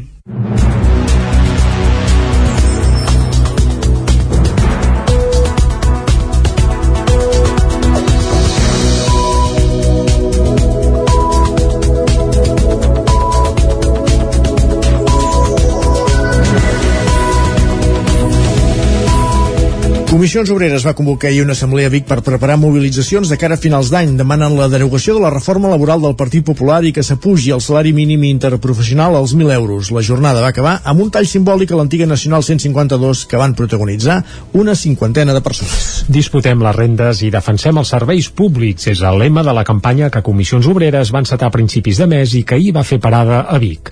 Una seixantena de delegats i delegades a la comarca omplien la sala Coll i Verdolet de l'edifici del Sucre on es va fer la trobada. L'objectiu d'aquestes jornades, que van itinerant per tot el Principat, és preparar una gran mobilització abans que acabi l'any. Entre les reivindicacions del sindicat destaca la derogació de la reforma laboral del PP i apujar el salari mínim interprofessional als 1.000 euros. Cristina Torra és la secretària d'Acció Sindical i Transicions Justes de Comissions Obreres a Catalunya. Continuem amb la reivindicació de la derogació de la reforma laboral, la derogació de la reforma del PP de pensions i les pujades del salari mínim, així com també eh, la disputa d'uns uns serveis públics de qualitat, amb una sanitat amb més inversió per part dels governs, una educació, uns serveis socials i un servei d'atenció a les persones amb més inversió. L'assemblea va acabar amb un tall simbòlic a l'antiga Nacional 152 davant de Camp Pamplona que van protagonitzar una cinquantena de persones. Una fórmula per visibilitzar en clau comarcal el pes de la precarietat laboral. Ho detalla Gonzalo Plata, secretari general de Comissions Obreres al Maresme, Vallès Oriental i Osona. Aquí tenim una precarietat brutal en aquesta comarca. El 80% dels contractes que es signen són temporals. El 45% dels joves ussonencs i les joves ussonenques no tindran feina encara que vulguin. Aleshores, cal, doncs, que ens mobilitzem per fer possible totes aquestes uh, situacions que s'han de revertir, que han de fer que tinguem una millor vida. La mobilització va comptar amb l'oficina mòbil d'atenció sindical, una furgoneta adaptada que vol apropar el sindicat als treballadors quan estan al seu lloc de feina. Més qüestions. Eh, L'Assemblea Nacional de Catalunya presentava divendres al Teatre Auditori de Cardedeu el llibre Persistim de Jordi Turull i van ser el mateix Turull acompanyat del regidor de Junts per Catalunya a Cardedeu, Jordi Nadal. Núria Lázaro, de Ràdio Televisió de Cardedeu. Han passat quatre anys des del referèndum per l'autodeterminació de Catalunya i la seva posterior sentència als membres polítics participants. Tot i així, la lluita per la independència continua vigent i aquells fets no cauen en l'oblit. Ara Jordi Turull presenta Persistim, una cartografia del que van suposar els fets de l'1 d'octubre, ideada i coescrita amb la periodista Gemma Aguilera el 2019. Jordi Turull. Al llibre es pot trobar una mica tot, no? Des de com ho vaig viure tot el procés de la tardor del 2017 crec que tothom podria fer un llibre de, de com va viure l'octubre perquè tothom té el seu 1 d'octubre. És per deixar constància com tu has, com tu has viscut perquè no s'hagi de buscar informació per altres llocs. Jo vaig pensar si mai tens nets o netes que no hagin de buscar sinó que tinguin la teva versió de per què vaig estar a la presó, com hi vaig arribar. I després també hi ha un conjunt de reflexions del, i a partir d'ara què, no? perquè crec que era obligat de dir tot això està molt bé però a partir d'ara has de fer l'aportació de dir hem arribat aquí però per culminar el que vam començar com ho hem de fer. No? Turull va mostrar molt agraïment pel recolzament que va tenir durant l'estada de l'empresonament i també per la feina constant de lluita independentista. Jo l'únic que faig és anar amunt i avall del país a donar les gràcies a la gent. Avui aquí a Cardeu bàsicament vull donar les gràcies. Ens van arribar mil mostres d'escalf, de suport per la via de les concentracions, per la via de moltes cartes que rebíem, que l'Ajuntament ens les feia arribar totes a dins un sobre i donava molt, molta força i molt coratge, no? I per tant, eh, jo el que em dedico és a donar les gràcies i per tant conflicte no n'he tingut pas amb, amb ningú gratitud i compromís del vinga va Sant tornem i que això no ha estat res, aquella actitud tan catalana. El llibre de Jordi Turull, Persistim, es pot trobar a la llibreria Espai 31 de Cardedeu. La reforma de l'escola i la depuradora de Santa Maria d'Oló, al Moianès, disposaran d'inversió econòmica gràcies a la seva inclusió en els pressupostos de la Generalitat, que era el campàs des d'Ona Codinenca. Després que el Consell Comarcal hagi aclarit que la comarca del Moianès tindrà inversions perquè no constava inicialment el document de la Generalitat, s'han donat a conèixer els detalls de les inversions plantejades al territori. En el cas de Santa Maria d'Oló, dues reclamacions històriques del municipi s'hi veuen plasmades. La reforma de l'escola Sesmont d'Oló, que permetrà eliminar les cargoleres del centre, i per altra banda la construcció de la depuradora del municipi. El mateix president del Consell Comarcal i regidor olonenc, Ramon Vilar, les destacava. Uh, hi ha l'escola de Castellcí, hi ha l'escola de... Uh, l'Institut Escola de Castellterçol, hi ha l'escola d'Olor, que també s'han d'eliminar les cargoleres, hi ha, um, hi ha per exemple, uh, depuradores, la depuradora de Collsospina, de Calders i d'Olor, que també es farà, almenys la d'Olor, segur que es farà l'any que ve. Que les dues infraestructures estiguin incloses als pressupostos no vol dir que les obres comencin l'any que ve, sinó que en cas d'aprovar-se els pressupostos, aquestes tindrien el finançament necessari per tirar-les endavant. Una altra cosa és eh, si està pressupostat pel 22 i s'executa o no el 22, que tots sabem com va això, eh, no, no només a, a, a, des de l'estat espanyol, eh, també eh, uh -huh. eh, bueno, ja no sé, pel que sigui, doncs hi ha, hi ha diferents endarreriments tal, però el que és una realitat és que el que no pot ser i ningú entendria és que el Moianès sigui l'única comarca de Catalunya que ni el 2022 ni les següents generalitats tinguin eh, zero d'inversió Ara tot queda a l'espera de com avança la tramitació dels pressupostos i si hi ha algun canvi durant les negociacions necessàries per la seva aprovació al Parlament de Catalunya. Gràcies, Caral. Ja es pot votar per escollir els aliments representants de la cistella feta a Osona Aliments Excel·lents, el concurs que ha convocat el Consell Comarcal d'Osona per posar en valor els aliments de la comarca i promoure la comarca com a destinació gastronòmica. A banda de la llonganissa IGP Llonganissa de Vic, que ja té assegurat un lloc entre els guanyadors, fins al 29 de novembre hi ha obertes les votacions votacions per escollir un dels dos productes que hi ha en sis categories. Embotits cuits, formatges, begudes, dolços de fleca i pastisseria, salats de fleca i pastisseria i productes vegetals. El certamen és una iniciativa del Consell Comarcal Osona Turisme i també Creacció, que volen promocionar d'aquesta manera els productes de la comarca i potenciar Osona com a destí gastronòmic. Àlex Muntanyà és el conseller comarcal de Turisme. Aquest concurs um, ens portarà a, a, a, conèixer aquests eh, 10-12 productes excel·lents que repercutirà, esperem, molt positivament, no només en, en els que ho elaboren, sinó en aquesta xarxa de, de gastronomia, de cuiners, de restaurants que tenim aquí a la comarca d'Osona. Per participar al concurs només cal entrar al web i escollir un dels dos productes finalistes per cadascuna de les sis categories. Els productes més votats, juntament amb la, amb la llonganissa de Vic, formaran part de la cistella fet a Osona Aliments Excel·lents i representaran l'agroalimentació del territori durant 3 anys, quan es tornarà a convocar el mateix concurs. Es pot votar fins diumenge 29 de novembre i entre les persones participants es sortejarà una cistella amb els productes guanyadors. Clara Ballart i Lledós es va proclamar diumenge guanyadora del 37è Premi Miquel Martí Pol de Poesia. El guardó permetrà a la jove poeta publicar un poemari en què reflexiona sobre la seva joventut i les primeres vegades. La barcelonina Clara Ballart i Lledós va recollir el 37è Premi Miquel Martí Pol de Poesia aquest diumenge en un acte al Teatre Liceu de Roda de Ter. Obtenir aquest premi permetrà a Ballart debutar literàriament amb la publicació de L'aigua entre les coses, un poemari que reflexiona sobre la seva joventut i les primeres vegades. Clara Ballart. Crec que són les meves primeres vegades en moltes coses i per tant eh, sóc molt principiant a la vida. És, una, és, una, és un personatge o és una posició que trobo molt còmoda i que espero que durant molt de temps segueixi podent ser principiant en tot. I, i potser els, els punts um, més, més màgics de la vida és aquest moment de fer-se gran i trobar-te de, de cap amb la mort o, o, o, o, o a altres nusos molt, molt complicats de la vida i crec que potser el, el, de fet hi ha un origen, no? nus i desenllaç eh, considero que he pogut fer una conclusió de diversos anys de la vida que ha estat el moment de marxar fora eh, tornar aquí el de Ballart és un dels 63 originals que optaven al premi d'una edició marcada per l'alta qualitat literària. A l'acte de lliurament, Montse Caral, directora de la Fundació Miquel Martí i Pol, destacava que es tracta d'un guardó més que consolidat. L'escoltem. Nosaltres posem molt esforç i molt ímpetu en que sigui un premi molt ben dotat, enguany és de 3.000 euros, més l'edició en una col·lecció de poesia, per tant té distribució molt ben editada com és Pagès Editors i està tenint una difusió i una divulgació molt bones. Nosaltres hi posem tota la nostra feina al darrere amb entrevistes i mitjans i llavors el premi de moment està donant molt bon resultat i a més aquests dos anys que són poetes joves i dones. En l'acte que formava part del programa de les jornades Miquel Martí i Pol també es va lliurar el Premi Insta Poemes, que va ser per Josep Gomis, i el Premi Il·lustració de Poesia, que va anar a parar a les mans de Núria Tomàs. També es van lliurar els Premis Sebastià Álvarez, que convoca la Universitat de Vic, que van ser per Jordi Borràs i Jordi Boada.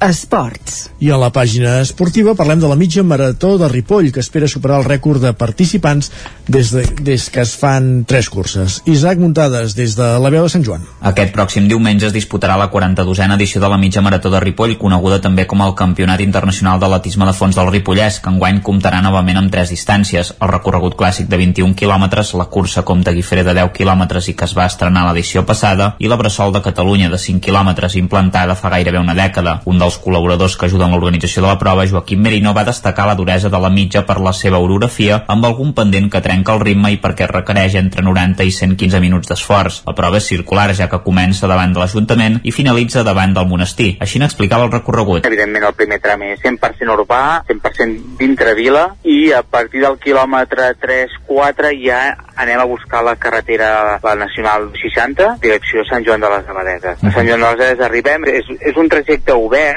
amb bona recta, transita principalment a, a, a Llera Riu, a vora riu, a 50-100 metres del riu, per tant és una vall que a vegades aquesta vall canalitza una mica d'aire fresc, que arribes a Sant Joan creuem el passeig, el passeig de Sant Joan, que hi ha al mercat, donen mitja volta al, al cap del passeig, a les, als quatre jardins, que en diuen, i tornen a desfer el camí cap a Ripoll.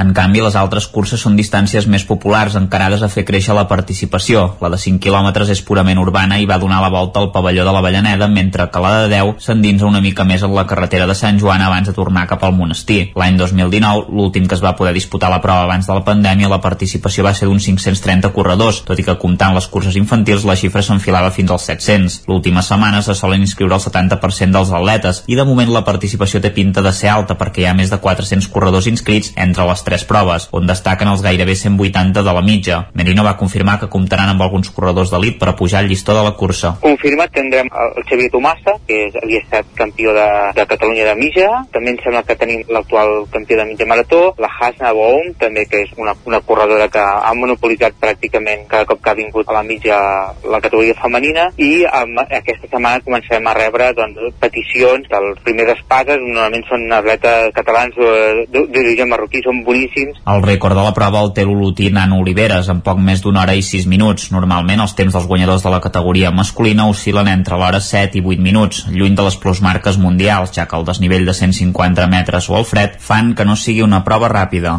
Gràcies, Isaac. Acaba aquí aquest repàs informatiu que començava a les 11 des dels estudis que fan possible, de, de ràdio que fan possible cada dia aquest programa, la veu de Sant Joan, Ona Codinenca, Ràdio Vic, Ràdio Cardedeu i el 9 FM, en companyia d'Isaac Muntades, Núria Lázaro, Caral Campàs i Jordi Sunyer. Acabat aquest, arribat a aquests punts, passen 13 minuts de les 11 i és moment de parlar d'economia al territori 17. Territori 17. Envia'ns les teves notes de veu per WhatsApp al 646 079 023. 646 079 023. WhatsApp Territori 17.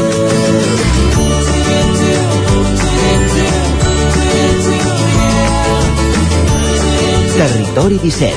Som a Facebook, Twitter i Instagram amb l'usuari Territori 17.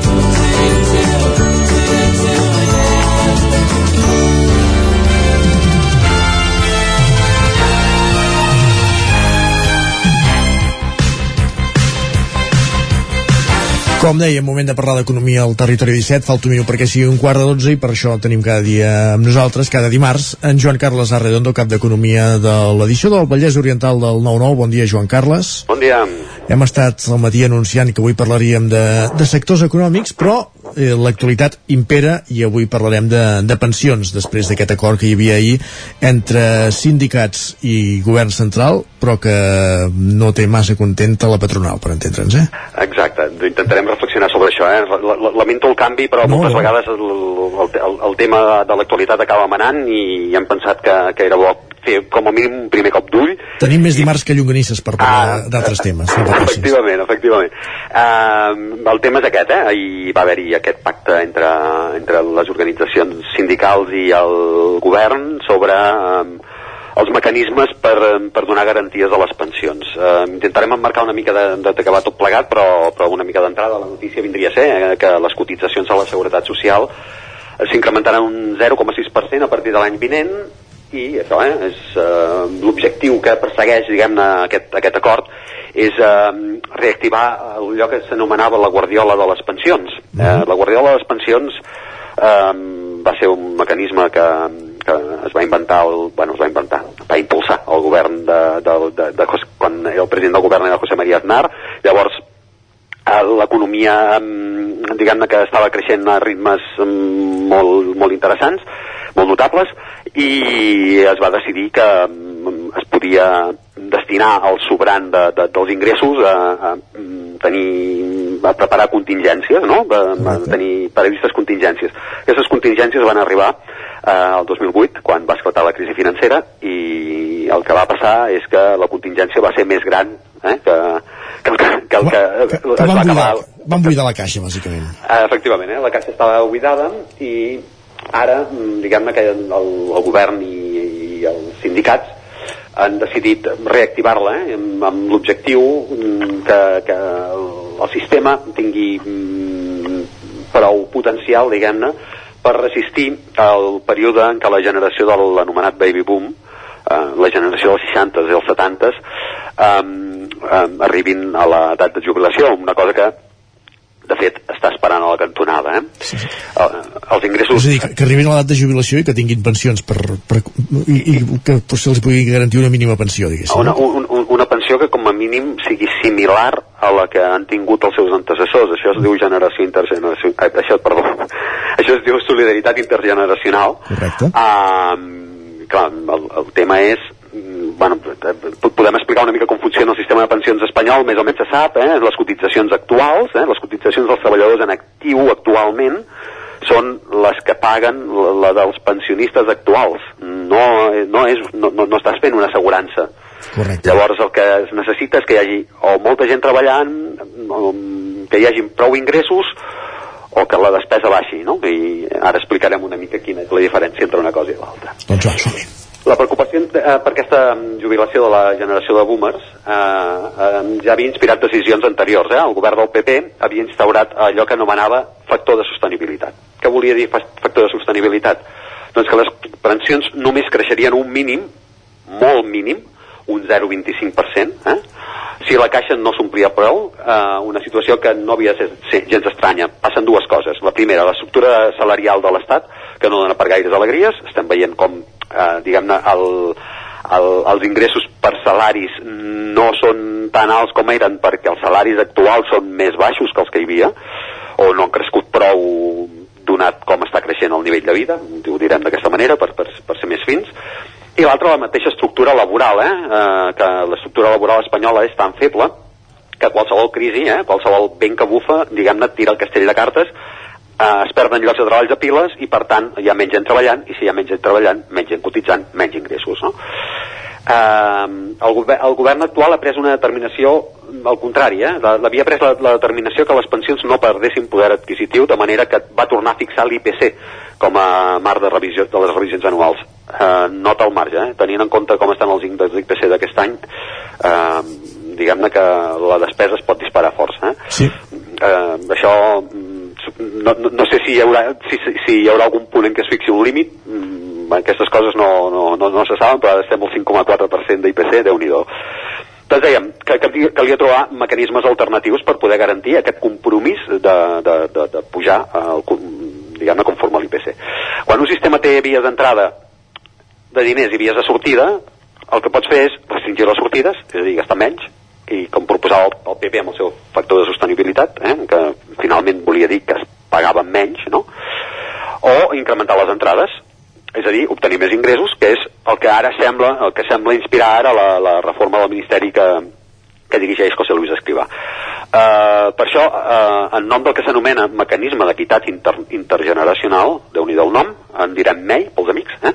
uh, les cotitzacions creixeran aquest 0,6%, que per cert un 0,5% l'aporta l'empresari i un 0,1% als treballadors. Els recursos obtinguts eh, d'aquest creixement es dirigiran a eh, reactivar aquest fons de reserva, eh, la guardiola de les pensions, per quan el gruix de la generació de boomers arribi a l'edat de jubilació, cosa que es preveu pel 2020, 2033, ja el direm bé, 2033. Uh, L'anàlisi de tot plegat, no? Estava una mica cantat, eh, que el sistema necessitaria reformes eh, i quedarà per veure si amb, aquesta, amb, aquest, aquest, amb aquest retoc eh, n'hi ha prou. Eh? Eh, els documents el document, diguem-ne, que fa poc esment a altres opcions, com ara allargar la vida laboral dels treballadors, aquí n'havíem parlat, eh? ens recordeu quan parlàvem sí, sí. d'aquell cambrer del d'aquell cambrer de la sèrie El mètode Kominsky Correcte. mm, que diguem-ne estava treballant a altíssimes edats i tot això, aquesta reflexió de moment no sembla aparèixer en el document mm, s'haurà d'estar pendent com sempre la lletra petita Destapar, uh, destapar la caixa dels trons, clar. Costa, Sí, això és i més quan ja, clar, ara ja s'ha fet un pas i Ara- genera conseqüències, fer-los tots de cops mm, seria excessiu potser. Ah, exacte, eh? però bueno, també es poden fer altres coses, eh? determinar quines... mm, quin, quin, quin, mm, és a dir, afavorir jubilacions a, a edats més avançades, per exemple, eh, afavorir-ho, eh? no, no, no obligar, sinó afavorir-ho. Eh, o determinar mm, quines de les prestacions que ara es carreguen sobre la caixa de la Seguretat Social passen a ser cobertes per pressupostos ordinaris. No és el mateix una pensió de viuditat per la qual no hi ha hagut ingressos mm, diguem-ne directes de la persona que està percebent aquesta pensió eh, i per no deixar desprotegit, desprotegit de les persones vídues eh, ja, és a dir, la, la prestació segurament, segurament no, segur, ha de continuar existint, però potser no se li ha de carregar en el sistema i potser s'ha de carregar en els pressupostos generals de l'Estat. Uh -huh. O contingències com, com ara les malalties, les malalties professionals o això que, que van, abans en dèiem llarga enfermetat. Uh, doncs això, aquestes contingències que, per, per les quals la persona no ha cotitzat tot el període de temps que hauria de cotitzar per rebre la pensió a partir del sistema mm, i perquè no quedi desprotegida també pugui ser carregada als pressupostos de l'Estat no? uh, això mm, també serien maneres de reduir eh, uh, la despesa sense eh, deixar els pensionistes eh, expenses de que el cost de la vida pugi més que no pas el que acaben ingressant cada any no? um, eh, totes aquestes coses de moment mm, no apareixen aquí, segurament amb una reforma més profunda de, del sistema de pensions eh, són qüestions que s'hauran d'abordar. Um, per tant, caldrà estar pendents per futurs, eh, futurs esdeveniments. Eh, tot plegat, eh, tot plegat, ara, ara, ara és quan entrem amb, amb, amb el tema de la, de la improvisació, de, de la rapidesa eh, amb, Sí, amb, la qual sí. hem hagut de reaccionar. Um, hi ha um, determinades qüestions que canvien, eh, que poden eh, arribar a canviar el, um, aquesta, aquest, aquest acord, eh, vull dir, totes, totes aquestes decisions que es prenen sobre sistemes de pensions um, són a molt llarg termini i moltes vegades la realitat te les pot canviar, de manera que aquí sí que s'han s'han buscat vies de sortida, no? Um, mm, el, el, el que apunta el Ministeri és que uh, aquesta, aquest increment del 0,6% de les cotitzacions és com una mena de vàlvula de seguretat a partir de- d'aquest any, eh, del 2033, que dèiem que és quan es preveu que la generació de baby boomers arribi més, uh, més massivament a l'edat de jubilació, Sí. i mm, mm, com que aquesta generació es calcula que entrarà tota amb edat de, de jubilació cap al 2050 doncs eh, vol, volen tenir aquesta vàlvula de seguretat eh, si no hi hagués aquesta desviació no s'aplicaria cap mesura eh, cap mesura addicional i es plantejaria fer servir els recursos del fons de reserva per reduir bé, o bé reduir aquestes cotitzacions socials a partir de a partir del 2050 o millorar la quantia de les pensions, és a dir, fer pensions més altes si no es produeix la desviació. Mm, és, una previsió, és una previsió molt optimista, eh? Sí, I, mm, si no hi hagués, si, el, si es detectés que sí que hi, ha, que hi ha aquesta desviació, el govern indica que negociaria amb els interlocutors socials una proposta de, de forma equilibrada que serveixi per reduir el percentatge de despesa de les pensions en termes de PIB o per incrementar el tipus de cotització en un futur. Eh? De moment la cosa està així. L'última reflexió que volíem aportar sobre això sí. és sobre el paper que tenen les organitzacions empresarials que tu apuntaves al principi on no hi han, no hi han entrat les patronals. Correcte, aquí volia anar. Correcte, sí. El, el tema, jo, jo, com pots comprovar, m'avanço a, a les possibles preguntes. No? Ah, el, els empresaris efectivament s'han despenjat d'això, diuen una vegada més que és un atemptat contra la possibilitat de creació de generació d'ocupació. Diguem-ne que mm, les organitzacions empresarials s'estan despenjant de masses acords, eh? Uh, ja va passar amb, amb l'increment del salari mínim interprofessional, ara amb aquesta reforma de les pensions, eh? aquí aquella vella, aquell vell axioma de l'Alfonso Guerra de el que se mueva no sale en la foto eh, s'està convertint en el que no se mueva no sale en la foto eh? Eh, sí. perquè la, les, les organitzacions empresarials no, tenen, no, semblen tenir, no semblen tenir gaire predisposició a moure's i en el moment en què les negociacions no van per al camí que voldrien eh, marxen i el que genera la reflexió que porta això és eh, que si no participes en les reformes te les fan les reformes igualment Correcte. de manera que en, encara que ells diguin que volen preservar un bé major com és la generació d'ocupació eh, potser seria convenient que la seva veu se sentís més perquè si no eh, no saps exactament si, si, si l'efecte que tindrà eh, ells et podrien intentar mm, pal·liar, etc. No, no, no, no s'ha fet cap intent, s'han aixecat de la taula de manera que potser eh, ja, està clar que la polarització que hi ha la polarització que hi ha les posicions polítiques de l'Estat eh, porta aquestes decisions dràstiques però no sé si en termes de rendibilitat, i això els empresaris amb, el tema, amb els termes de rendibilitat haurien de ser els que més en saben, eh, si en termes de rendibilitat els, els surt rendible, eh, el fet d'aixecar-se de, de la taula. De moment, eh, el que els passa és que hauran de pagar un 0,5% més de cotitzacions eh, i quin efecte pugui tenir això sobre l'ocupació és una cosa que encara s'haurà de veure. S'haurà de veure, tu has dit. Doncs hem parlat de, de pensions a partir d'aquest acord que arribava ahir entre govern central i sindicats i, com deies, amb la patronal havent-se aixecat de, de la taula. Gràcies, Joan Carles, per ser un dimarts més al Territori 17, també. Gràcies a vosaltres. Bon dia. Bon dia. 3 minuts pràcticament perquè siguin dos quarts de 12, recta final del Territori 17. Avui parlarem eh, al racó de pensar parlarem del suïcidi. Serà després de passar per l'R3 amb l'Isaac Muntades i tot plegat després d'aquesta pausa publicitària que fem tot seguit a aquesta hora.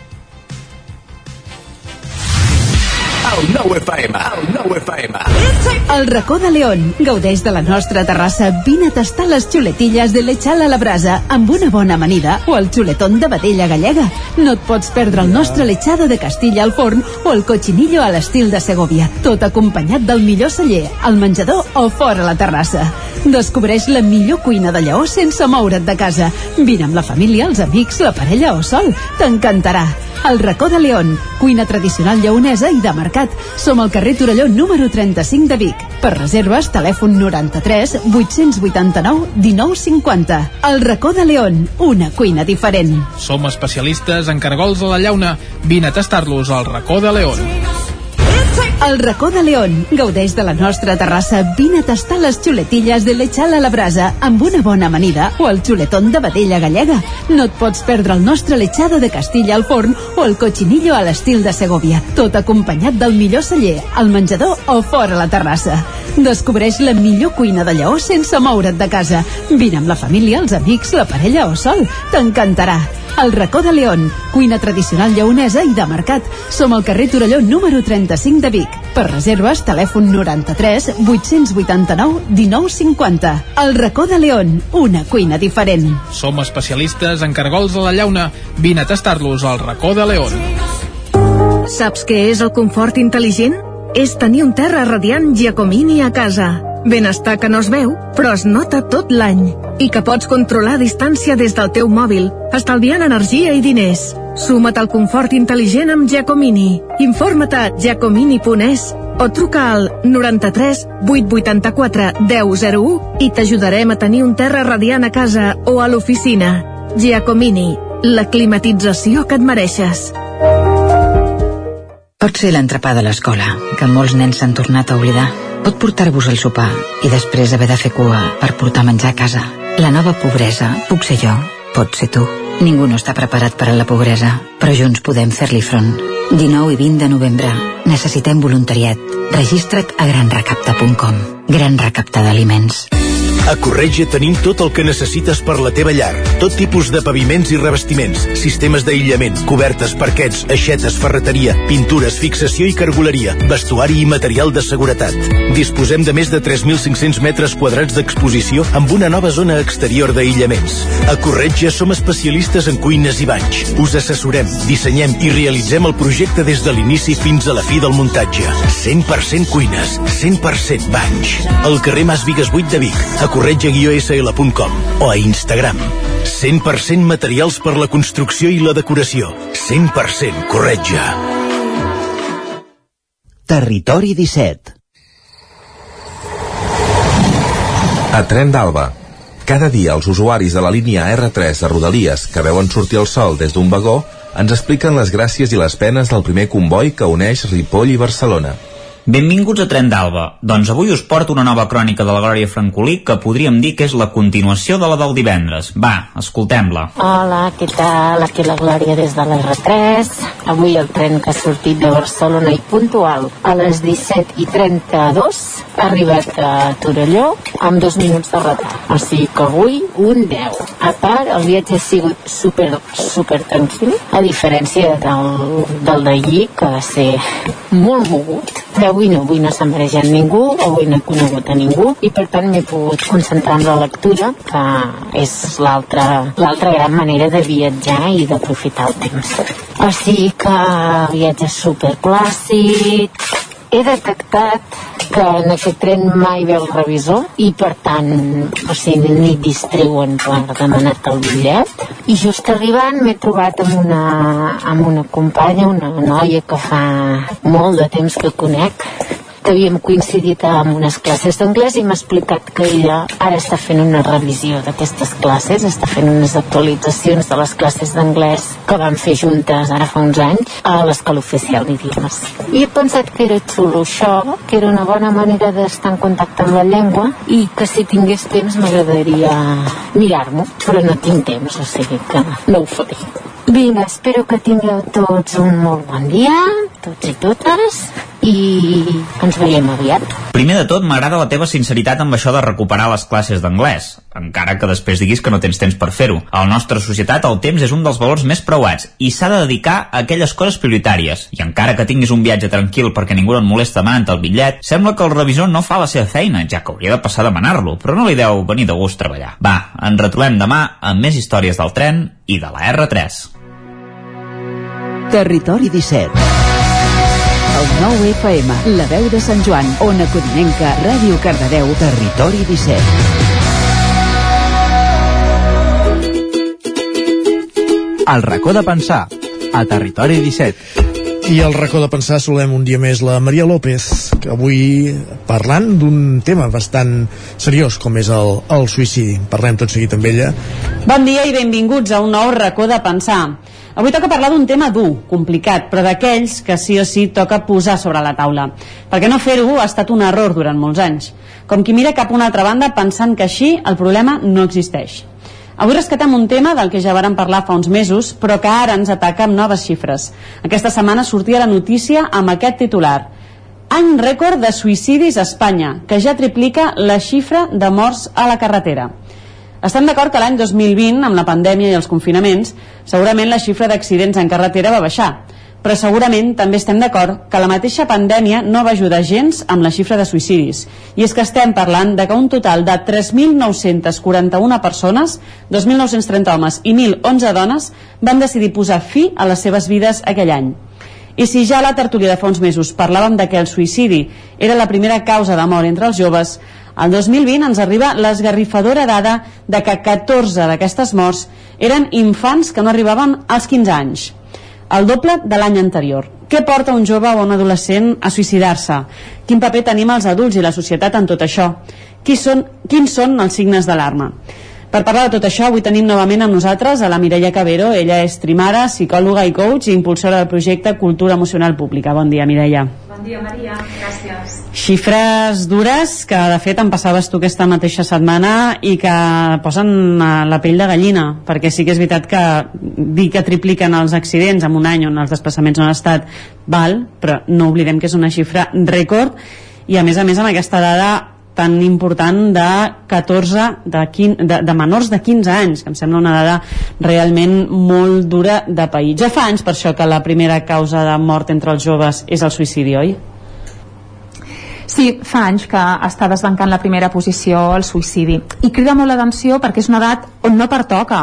És una edat on els, on els infants i joves s'enganxen amb la vida, es viuen moltes coses per primera vegada. Per tant, és una edat d'entrada molt atractiva, a excepció d'aquells joves que senten que viure la vida és massa per ells i per elles.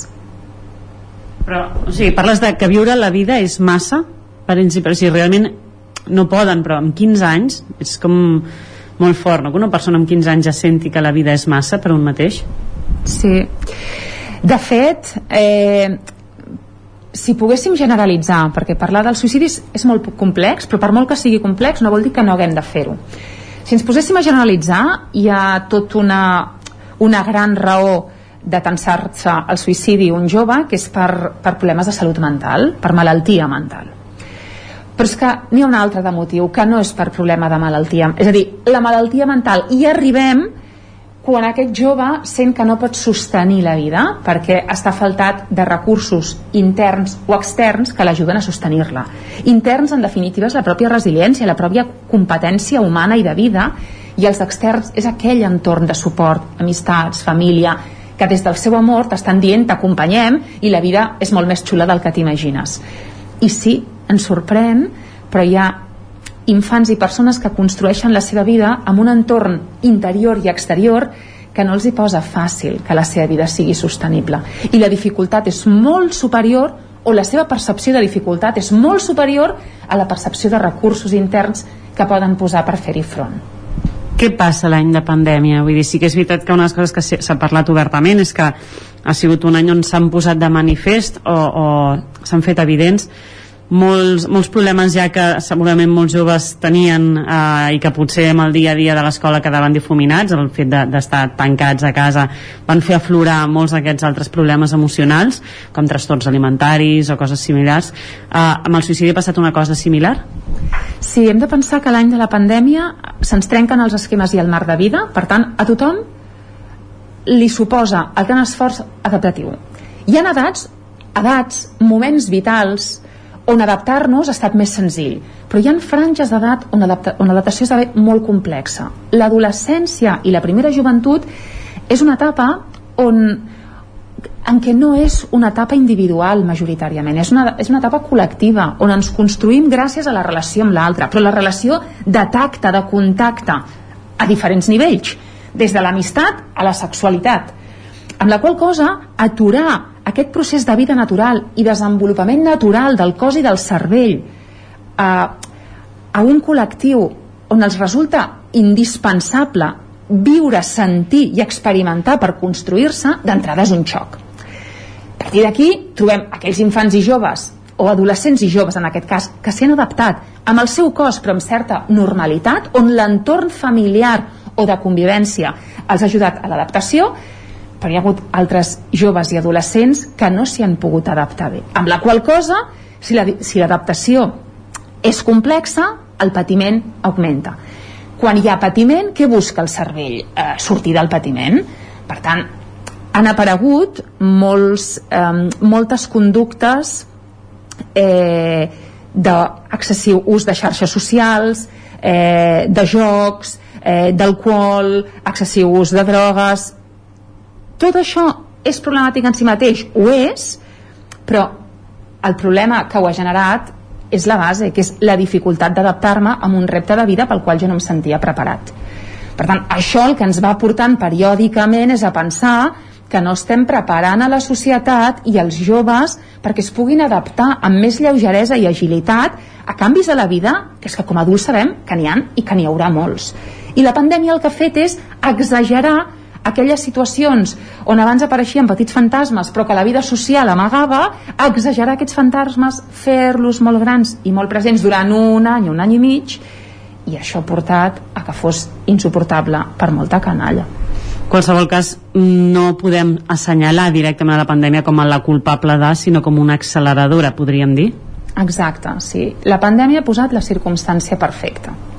I en aquesta circumstància perfecta cadascú, cada família, cada col·lectiu ha anat fent el que ha pogut i hi ha col·lectius i persones en concret o petites comunitats familiars on les circumstàncies han estat tan complexes que adaptar-s'hi positivament ha estat molt difícil Quin paper tenim exactament els adults amb, amb tot això? Perquè com, com podem, suposo que la mateixa pandèmia ens ha superat a nosaltres també com a adults, però de cop segurament moltes famílies s'han trobat a casa amb realitats que ni se n'havien adonat que tenien, no? Quin, quin paper hem d'assumir en aquest sentit? Nosaltres, la, la societat en general i els educadors i educadores. Uh, els adults de referència tenim un paper clau per què? Perquè som far per aquesta canalla, per aquests joves. És cert que és una edat que ens miren de reull, no ens validen del tot, però això a nosaltres ens ha de ser igual. És a dir, malgrat que amb aquesta edat prefereixin els iguals, la presència de l'adult que observa, que mira de comprendre, que fa de far i de guia o que acompanya és absolutament indispensable. Per què? Perquè són unes edats on surten de l'ou eh, surten de l'ou i comencen a connectar amb una vida que no sempre està pensada per ells, sinó que està pensada per més adults, però la societat els està portant a córrer amb rapidesa, a agafar espais i rols eh, que fins ara la nostra generació ens ho fèiem quan érem més grans, per tant quan hi havia una major maduresa cerebral, eh, cognitiva i emocional, per tant ens toca la feina de mirar de prop si aquells rols que estan ocupant són rols que els pertoca o si els poden desenvolupar eh, amb certa normalitat i amb poc cost de patiment. Això per una part. És a dir, mirar amb, amb quins entorns s'estan movent i què és el que estan fent en aquests entorns. Per una altra part, observar molt de prop la conducta d'aquest jove, si és una conducta cap al que sabem d'ell o ella en resulta normal, si hi ha alguns trets que ens criden l'atenció, i finalment hi ha un altre paper, que és el paper educatiu. I aquest paper educatiu com a famílies, com a escoles, instituts, com a entorns educatius informals, entorns esportius, entorns culturals, aquestes activitats de lleure. Com la societat en general, eh, no podem obviar que aquesta joventut cal que sigui cuidada, cal que sigui atesa i cal que l'encaminem, malgrat que això ens suposi una difícil relació amb ells i elles perquè d'entrada no ho volen però és la nostra responsabilitat perquè des d'on estem ens és molt més fàcil poder veure amb quines dificultats poden estar-se trobant amb això d'alguna manera som capaços jo crec que d'entrada perquè deies ara hem d'estar molt més atents dels que, del que segurament estem el problema moltes vegades és i, i això ho vam estar comentant una mica a la, a la tertúlia del març eh? quan detectes una situació així i potser no t'és no a casa, no? t'és relativament externa, com un professor que pugui detectar-ho amb algun alumne. Quines són les passes a fer, diguéssim? Com actues quan tu detectes que un alumne no està bé i, i, i que això pot derivar en, en problemes més grans, diguéssim? El sistema educatiu ha d'estar molt ben informat del Codi Risc Suïcidi que actualment existeix a Catalunya i que té uns protocols per tant, cal conèixer molt bé en quin moment podem entrar en aquest codi risc, apretar el botó vermell perquè aquest jove i la seva família pugui ser atesa. Um, per tant, jo crec que hi ha també un tema de, de responsabilitat de cada centre educatiu de ser coneixedor d'aquells recursos immediats i comunitaris que té al seu voltant perquè des de l'entorn educatiu no podem donar la resposta que aquest jove necessita. La primera resposta que cal donar és una resposta mèdica, generalment, de psiquiatria, de vegades amb farmacologia, però no és suficient, perquè la farmacologia el que fa és aturar, eh, aturar la sintomatologia, però la sintomatologia més externa, és a dir, les ganes d'autolesionar-se, les ganes de morir, les ganes de desaparèixer. La sintomatologia aquesta externa està fonamentada en un malestar que és el que cal treballar, és el que cal comprendre és el que cal acompanyar el jove a que en sigui conscient. I des d'aquesta consciència de m'està passant no ho sé, que, que em fa massa mal que, que no pugui comptar prou amb l'amor de la meva família. Mm, el meu entorn em sento sol. Les xarxes socials a més són un bon reflexe d'aquesta soledat en determinats posts que es pengen en determinats likes que rebo que no rebo. Per tant és ajudar el, el, el jove a que sigui coneixedor i coneixedora de quin és el seu dolor i des d'aquí poder-lo acompanyar a poder-lo superar, és a dir, a poder-lo reparar. Mai ens volem suïcidar si no hi ha un dolor que sentim com a irreparable, o generalment no, sempre i quan estiguem parlant de persones que no estiguin amb un trastorn mental, amb una malaltia mental, que malauradament llavors el, el marc canvia completament. Parlaves de les xarxes socials, segons en quina, de, des de quin punt de vista poden semblar amigues o amigues en tot, en tot això, no? perquè sembla que segurament han sigut moltes vegades causants de, o són moltes vegades causants de malestar emocional i al mateix temps poden, poden ajudar a, a detectar no? segons quina situació estigui visquent un, una jove que d'altra banda igual no podríem accedir-hi eh, jo encara les veig per aquestes edats encara les veig més un risc que una possibilitat d'informació. Més, en, més enemigues que amigues, eh? Exacte, sí. Perquè estem observant que l'impacte que té en autoestima, en autoconcepte, en crear relacions de dependència, per tant, relacions tòxiques, és molt més elevat, més que no pas el benefici de que com que comunica d'una de, de, determinada manera podem intuir que hi ha malestar, que sens dubte. Però és que eh, les persones eh, no només comuniquem a través de les xarxes socials el nostre dolor, aquelles hores tancats i tancades a l'habitació, aquella desgana, aquell, aquelles cares que veiem que el nostre jove no ha dormit bé, aquelles respostes que ens fan pensar que són fruit d'algú que no està funcionant. Eh, per sort tenim, tenim altres entorns on ho pot mostrar. Per tant, les xarxes socials, amb aquesta edat, perquè és important acotar-ho, eh, amb aquesta edat, són més una font de competició i, i de generació de, de dolors tant relacionants com interns a nivell d'autoestima més que no pas una oportunitat comunicativa i una oportunitat per observar, malauradament. Una de les xifres que comentàvem just abans i que és de les que més impacten potser en aquest article és a aquestes 14 morts de menors de 15 anys. Jo crec que n'hem parlat aquí al mateix racó de pensar, n'hem parlat del suïcidi i arriba un moment que pots comprendre que l'adolescència és una edat molt complexa emocionalment però quan parlem de eh, nens i nenes de menys de 15 anys perquè a mi encara em surt dir paraula nens i nenes perquè són criatures encara menys de 15 anys. Que pot portar una persona amb aquesta edat a suïcidar-se? Hauríem de veure en aquest cas concret eh, les dades que sortosament, i està bé que sigui així, no són públiques. Però, però ve a ser el mateix eh, tant per un adult com per un jove com per un infant. És la insuportabilitat de viure. És el no puc sostenir el meu malestar davant de la vida. Sigui la vida molt complexa o molt fàcil per mi eh? perquè des de fora això sí que no és analitzable. És segons la, la, la viu cadascú. Quan més petita és la persona eh, més podem intuir de forma genèrica i teòrica eh, més podem intuir que, que alguna cosa en el sistema familiar no deu estar funcionant com l'infant necessita i per tant no deu estar rebent el suport, l'amor incondicional, els límits i la seguretat que necessiten per créixer i viure. És a dir, els adults eh, no necessitem tant d'un entorn que ho necessitem perquè, perquè les persones som éssers eh, socials i interdependents hm? però quan més petits som més important és la presència de la família l'amor de la família i el suport de la família per tant això ens fa pensar que els suïcidis d'aquests infants és possible que estiguin vinculats amb un entorn familiar o amb una falta d'entorn familiar perquè tampoc sabem si han estat eh, en entorns familiars, en entorns de centres d'acollida, però que hi ha alguna mancança d'amor que sostingui de base aquest infant eh, podria ser presumible. Què hauríem de fer com a societat per aconseguir que, que els joves i els infants fins i tot es vulguin anclar a la vida d'alguna manera o, o, de, o, o les xarxes no puguin exercir tanta pressió d'alguna manera no? Com, què, què, els hi podem oferir?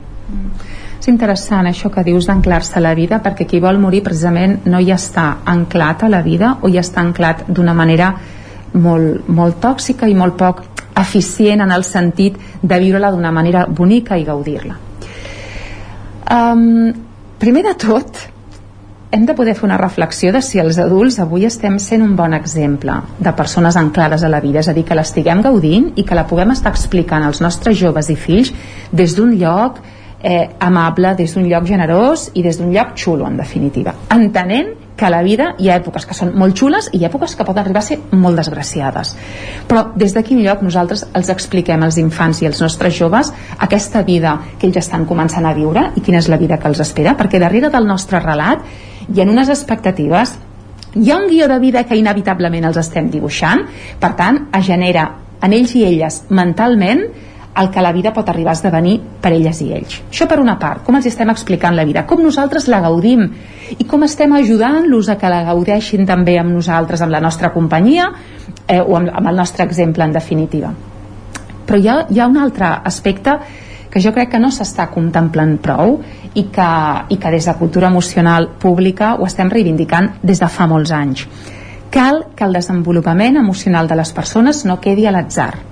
És a dir, Tenim línies estratègiques polítiques per desenvolupar tècnicament i professionalment a les persones i és genial perquè necessitem aquest desenvolupament tècnic i professional per viure la vida però és que el desenvolupament tècnic i professional mai podrà cobrir el desenvolupament interior que ens capacita per viure, no per viure'ns professionalment, per viure la vida necessitem construir ciutadania resilient. I això ho hem vist amb la pandèmia que no som una societat capaç de construir ciutadania resilient.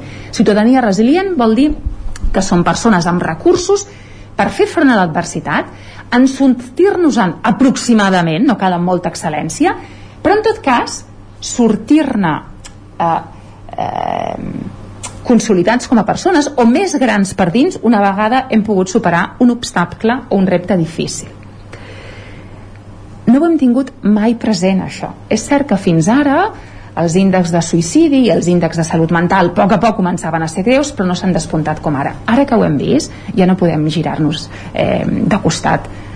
Necessitem construir societats que ens facilitin desenvolupar competència emocional amb les persones. Competència emocional són recursos per fer front a aquelles circumstàncies que emocionalment ens desborden i ens desborden negativament però també recursos per poder autogenerar-nos a nosaltres mateixes i als nostres col·lectius de convivència benestar emocional.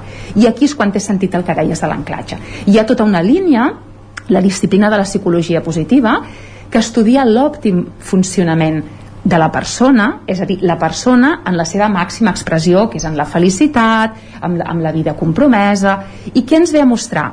Que és important que les persones però començant des de la infantesa els ajudem a construir una identitat positiva, un autoconcepte, una autoestima, un, un sentiment d'autoeficàcia, que els ajudem a viure una vida amb emocions positives per l'impacte que tenen en la salut mental, en les relacions humanes i en la salut física, les emocions positives, una vida amb sentit, una vida compromesa, compromesa amb el seu sentit, això no pertoca eh, parlar-ne als infants, però als joves ja sí, tu què sents que vens a fer la vida, amb què t'agradaria contribuir? I començar-los a elevar en aquest significat que té la seva existència o la seva vida per cadascun d'ells i elles. Que a poc a poc vagin escollint activitats, persones, extraescolars que els ressoni amb aquest sentit que per ells té la vida i per tant que s'hi puguin comprometre i que sàpiguin escollir relacions positives. Si el nostre sistema educatiu, si les nostres famílies poguéssim estar més alineades amb aquests petits actius de la psicologia positiva estaríem capacitant els nostres infants de moltes maneres, des de tot l'entorn educatiu i des de tot l'entorn social, perquè poguessin, tinguessin més capacitat per sentir la vida d'una altra manera i tinguessin recursos per poder-la viure d'una altra manera, entenent que sempre hi hauria un percentatge on costa molt perquè les circumstàncies els determinants de la salut que diem eh, a nivell econòmic, a nivell sociocultural, a nivell interseccional, a nivell de gènere eh, sabem que això genera un efecte inevitable i que a vegades, que per molt que tinguem una alta competència emocional eh, ens pot més el dolor o l'impacte d'aquestes variables que ens acaben portant a malaltia mental més que no pas en altres circumstàncies més fàcils eh? però això, amb això ja hi hem de comptar malauradament Se'ns acaba el temps, Mireia, però abans d'acabar m'agradaria fer-te una pregunta clau. Creus que d'alguna manera aquestes xifres, aquest any, tot el que ens ha passat aquest, aquest any i mig o dos anys, eh, han aconseguit d'alguna manera posar la importància de la salut emocional al centre per la societat i sobretot per la classe política? Segur, segur. Uh, segur per moltes raons, perquè de fet hi ha hagut moviments polítics importants en la línia del Pla de Salut Mental, del Pacte Nacional de Salut Mental, que s'està movent, que s'acaba d'aprovar i que d'aquí a 10 dies estaran nomenant a la seva, el seu equip directiu. Uh, tenim l'oportunitat ara doncs de poder construir un, un, una solució comunitària i amb mirada poblacional que sigui molt completa, és a dir, que no sigui només assistencial i des de la prevenció del marc clínic, sinó des del marc de pedagogia comunitària, que és el que està faltant. Moltíssimes gràcies, Mireia Cabero, per acompanyar-nos un cop més a, al racó de pensar, tot i que sempre toca per, ens toca parlar així de temes una mica durillos, eh? em sembla que et convidaré ara per parlar de Nadal d'aquí unes setmanes, a veure si, si tenim a, portar, a, a, que ens toqui un tema una mica més animat, no? Ai, sí, i, brind, i brindem amb una mica de cava i polvoró. Ja està, ja, tu ja has vist el Nadal aquí, eh? Merci, Maria. Doncs moltíssimes gràcies i us deixem, torno un relleu cap a Vic i tornarem aquest dijous per parlar d'economia digital a la plaça i dimarts vinent amb un nou racó de pensar.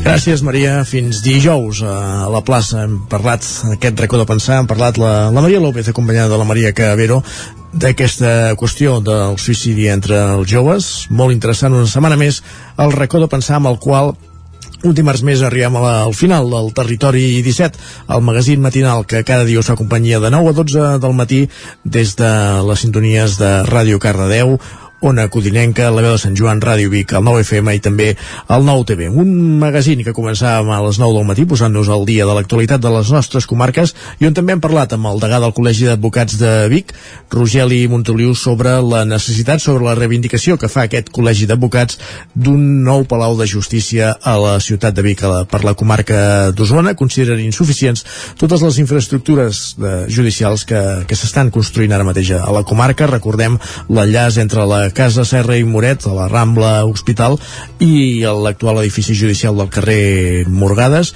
una infraestructura que explicava Rogeli Montoliu que ja neix petita i que calen l'acció decidida de l'administració per construir aquesta ciutat de la justícia, d'aquest Palau de la Justícia a la ciutat de Vic, un imperatiu necessari, explicava. A la taula de redacció hem parlat del carrer València de Camprodon, també hem parlat d'aquests premis Miquel Martí Pol que es lliuraven diumenge a Roda de Ter i en l'àmbit econòmic, Joan Carles Arredondo, un dimarts més, ens ha posat al dia, ens ha portat un tema d'actualitat com és aquest acord per les futures pensions, al qual arribava ahir el govern espanyol amb, amb els sindicats i acabava el territori 17 d'avui, com sentíem ara fa uns moments, amb aquest rècord de pensar amb la Maria López parlant del suïcidi, acompanyada de la Maria Camero, trimara, psicòloga, coach i impulsora del projecte Cultura Emocional Pública.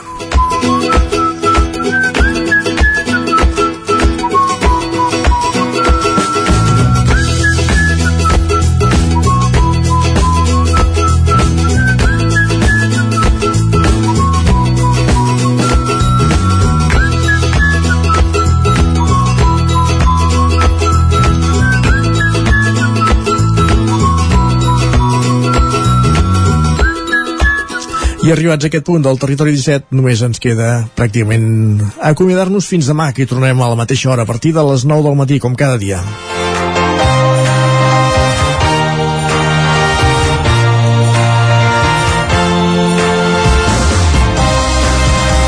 Us hem acompanyat Caral Campàs, Òscar Muñoz, Pere Costa, Guillem Sánchez, Jordi Vilarrodà, Marc Ordeix, Núria Lázaro, Joan Carles Arredondo, Isaac Muntades, Maria López, Jordi Sunyer i Isaac Moreno. Això està tot per avui. Com dèiem, hi tornem demà dimecres a partir de les 9 al Territori 17. Adéu-siau.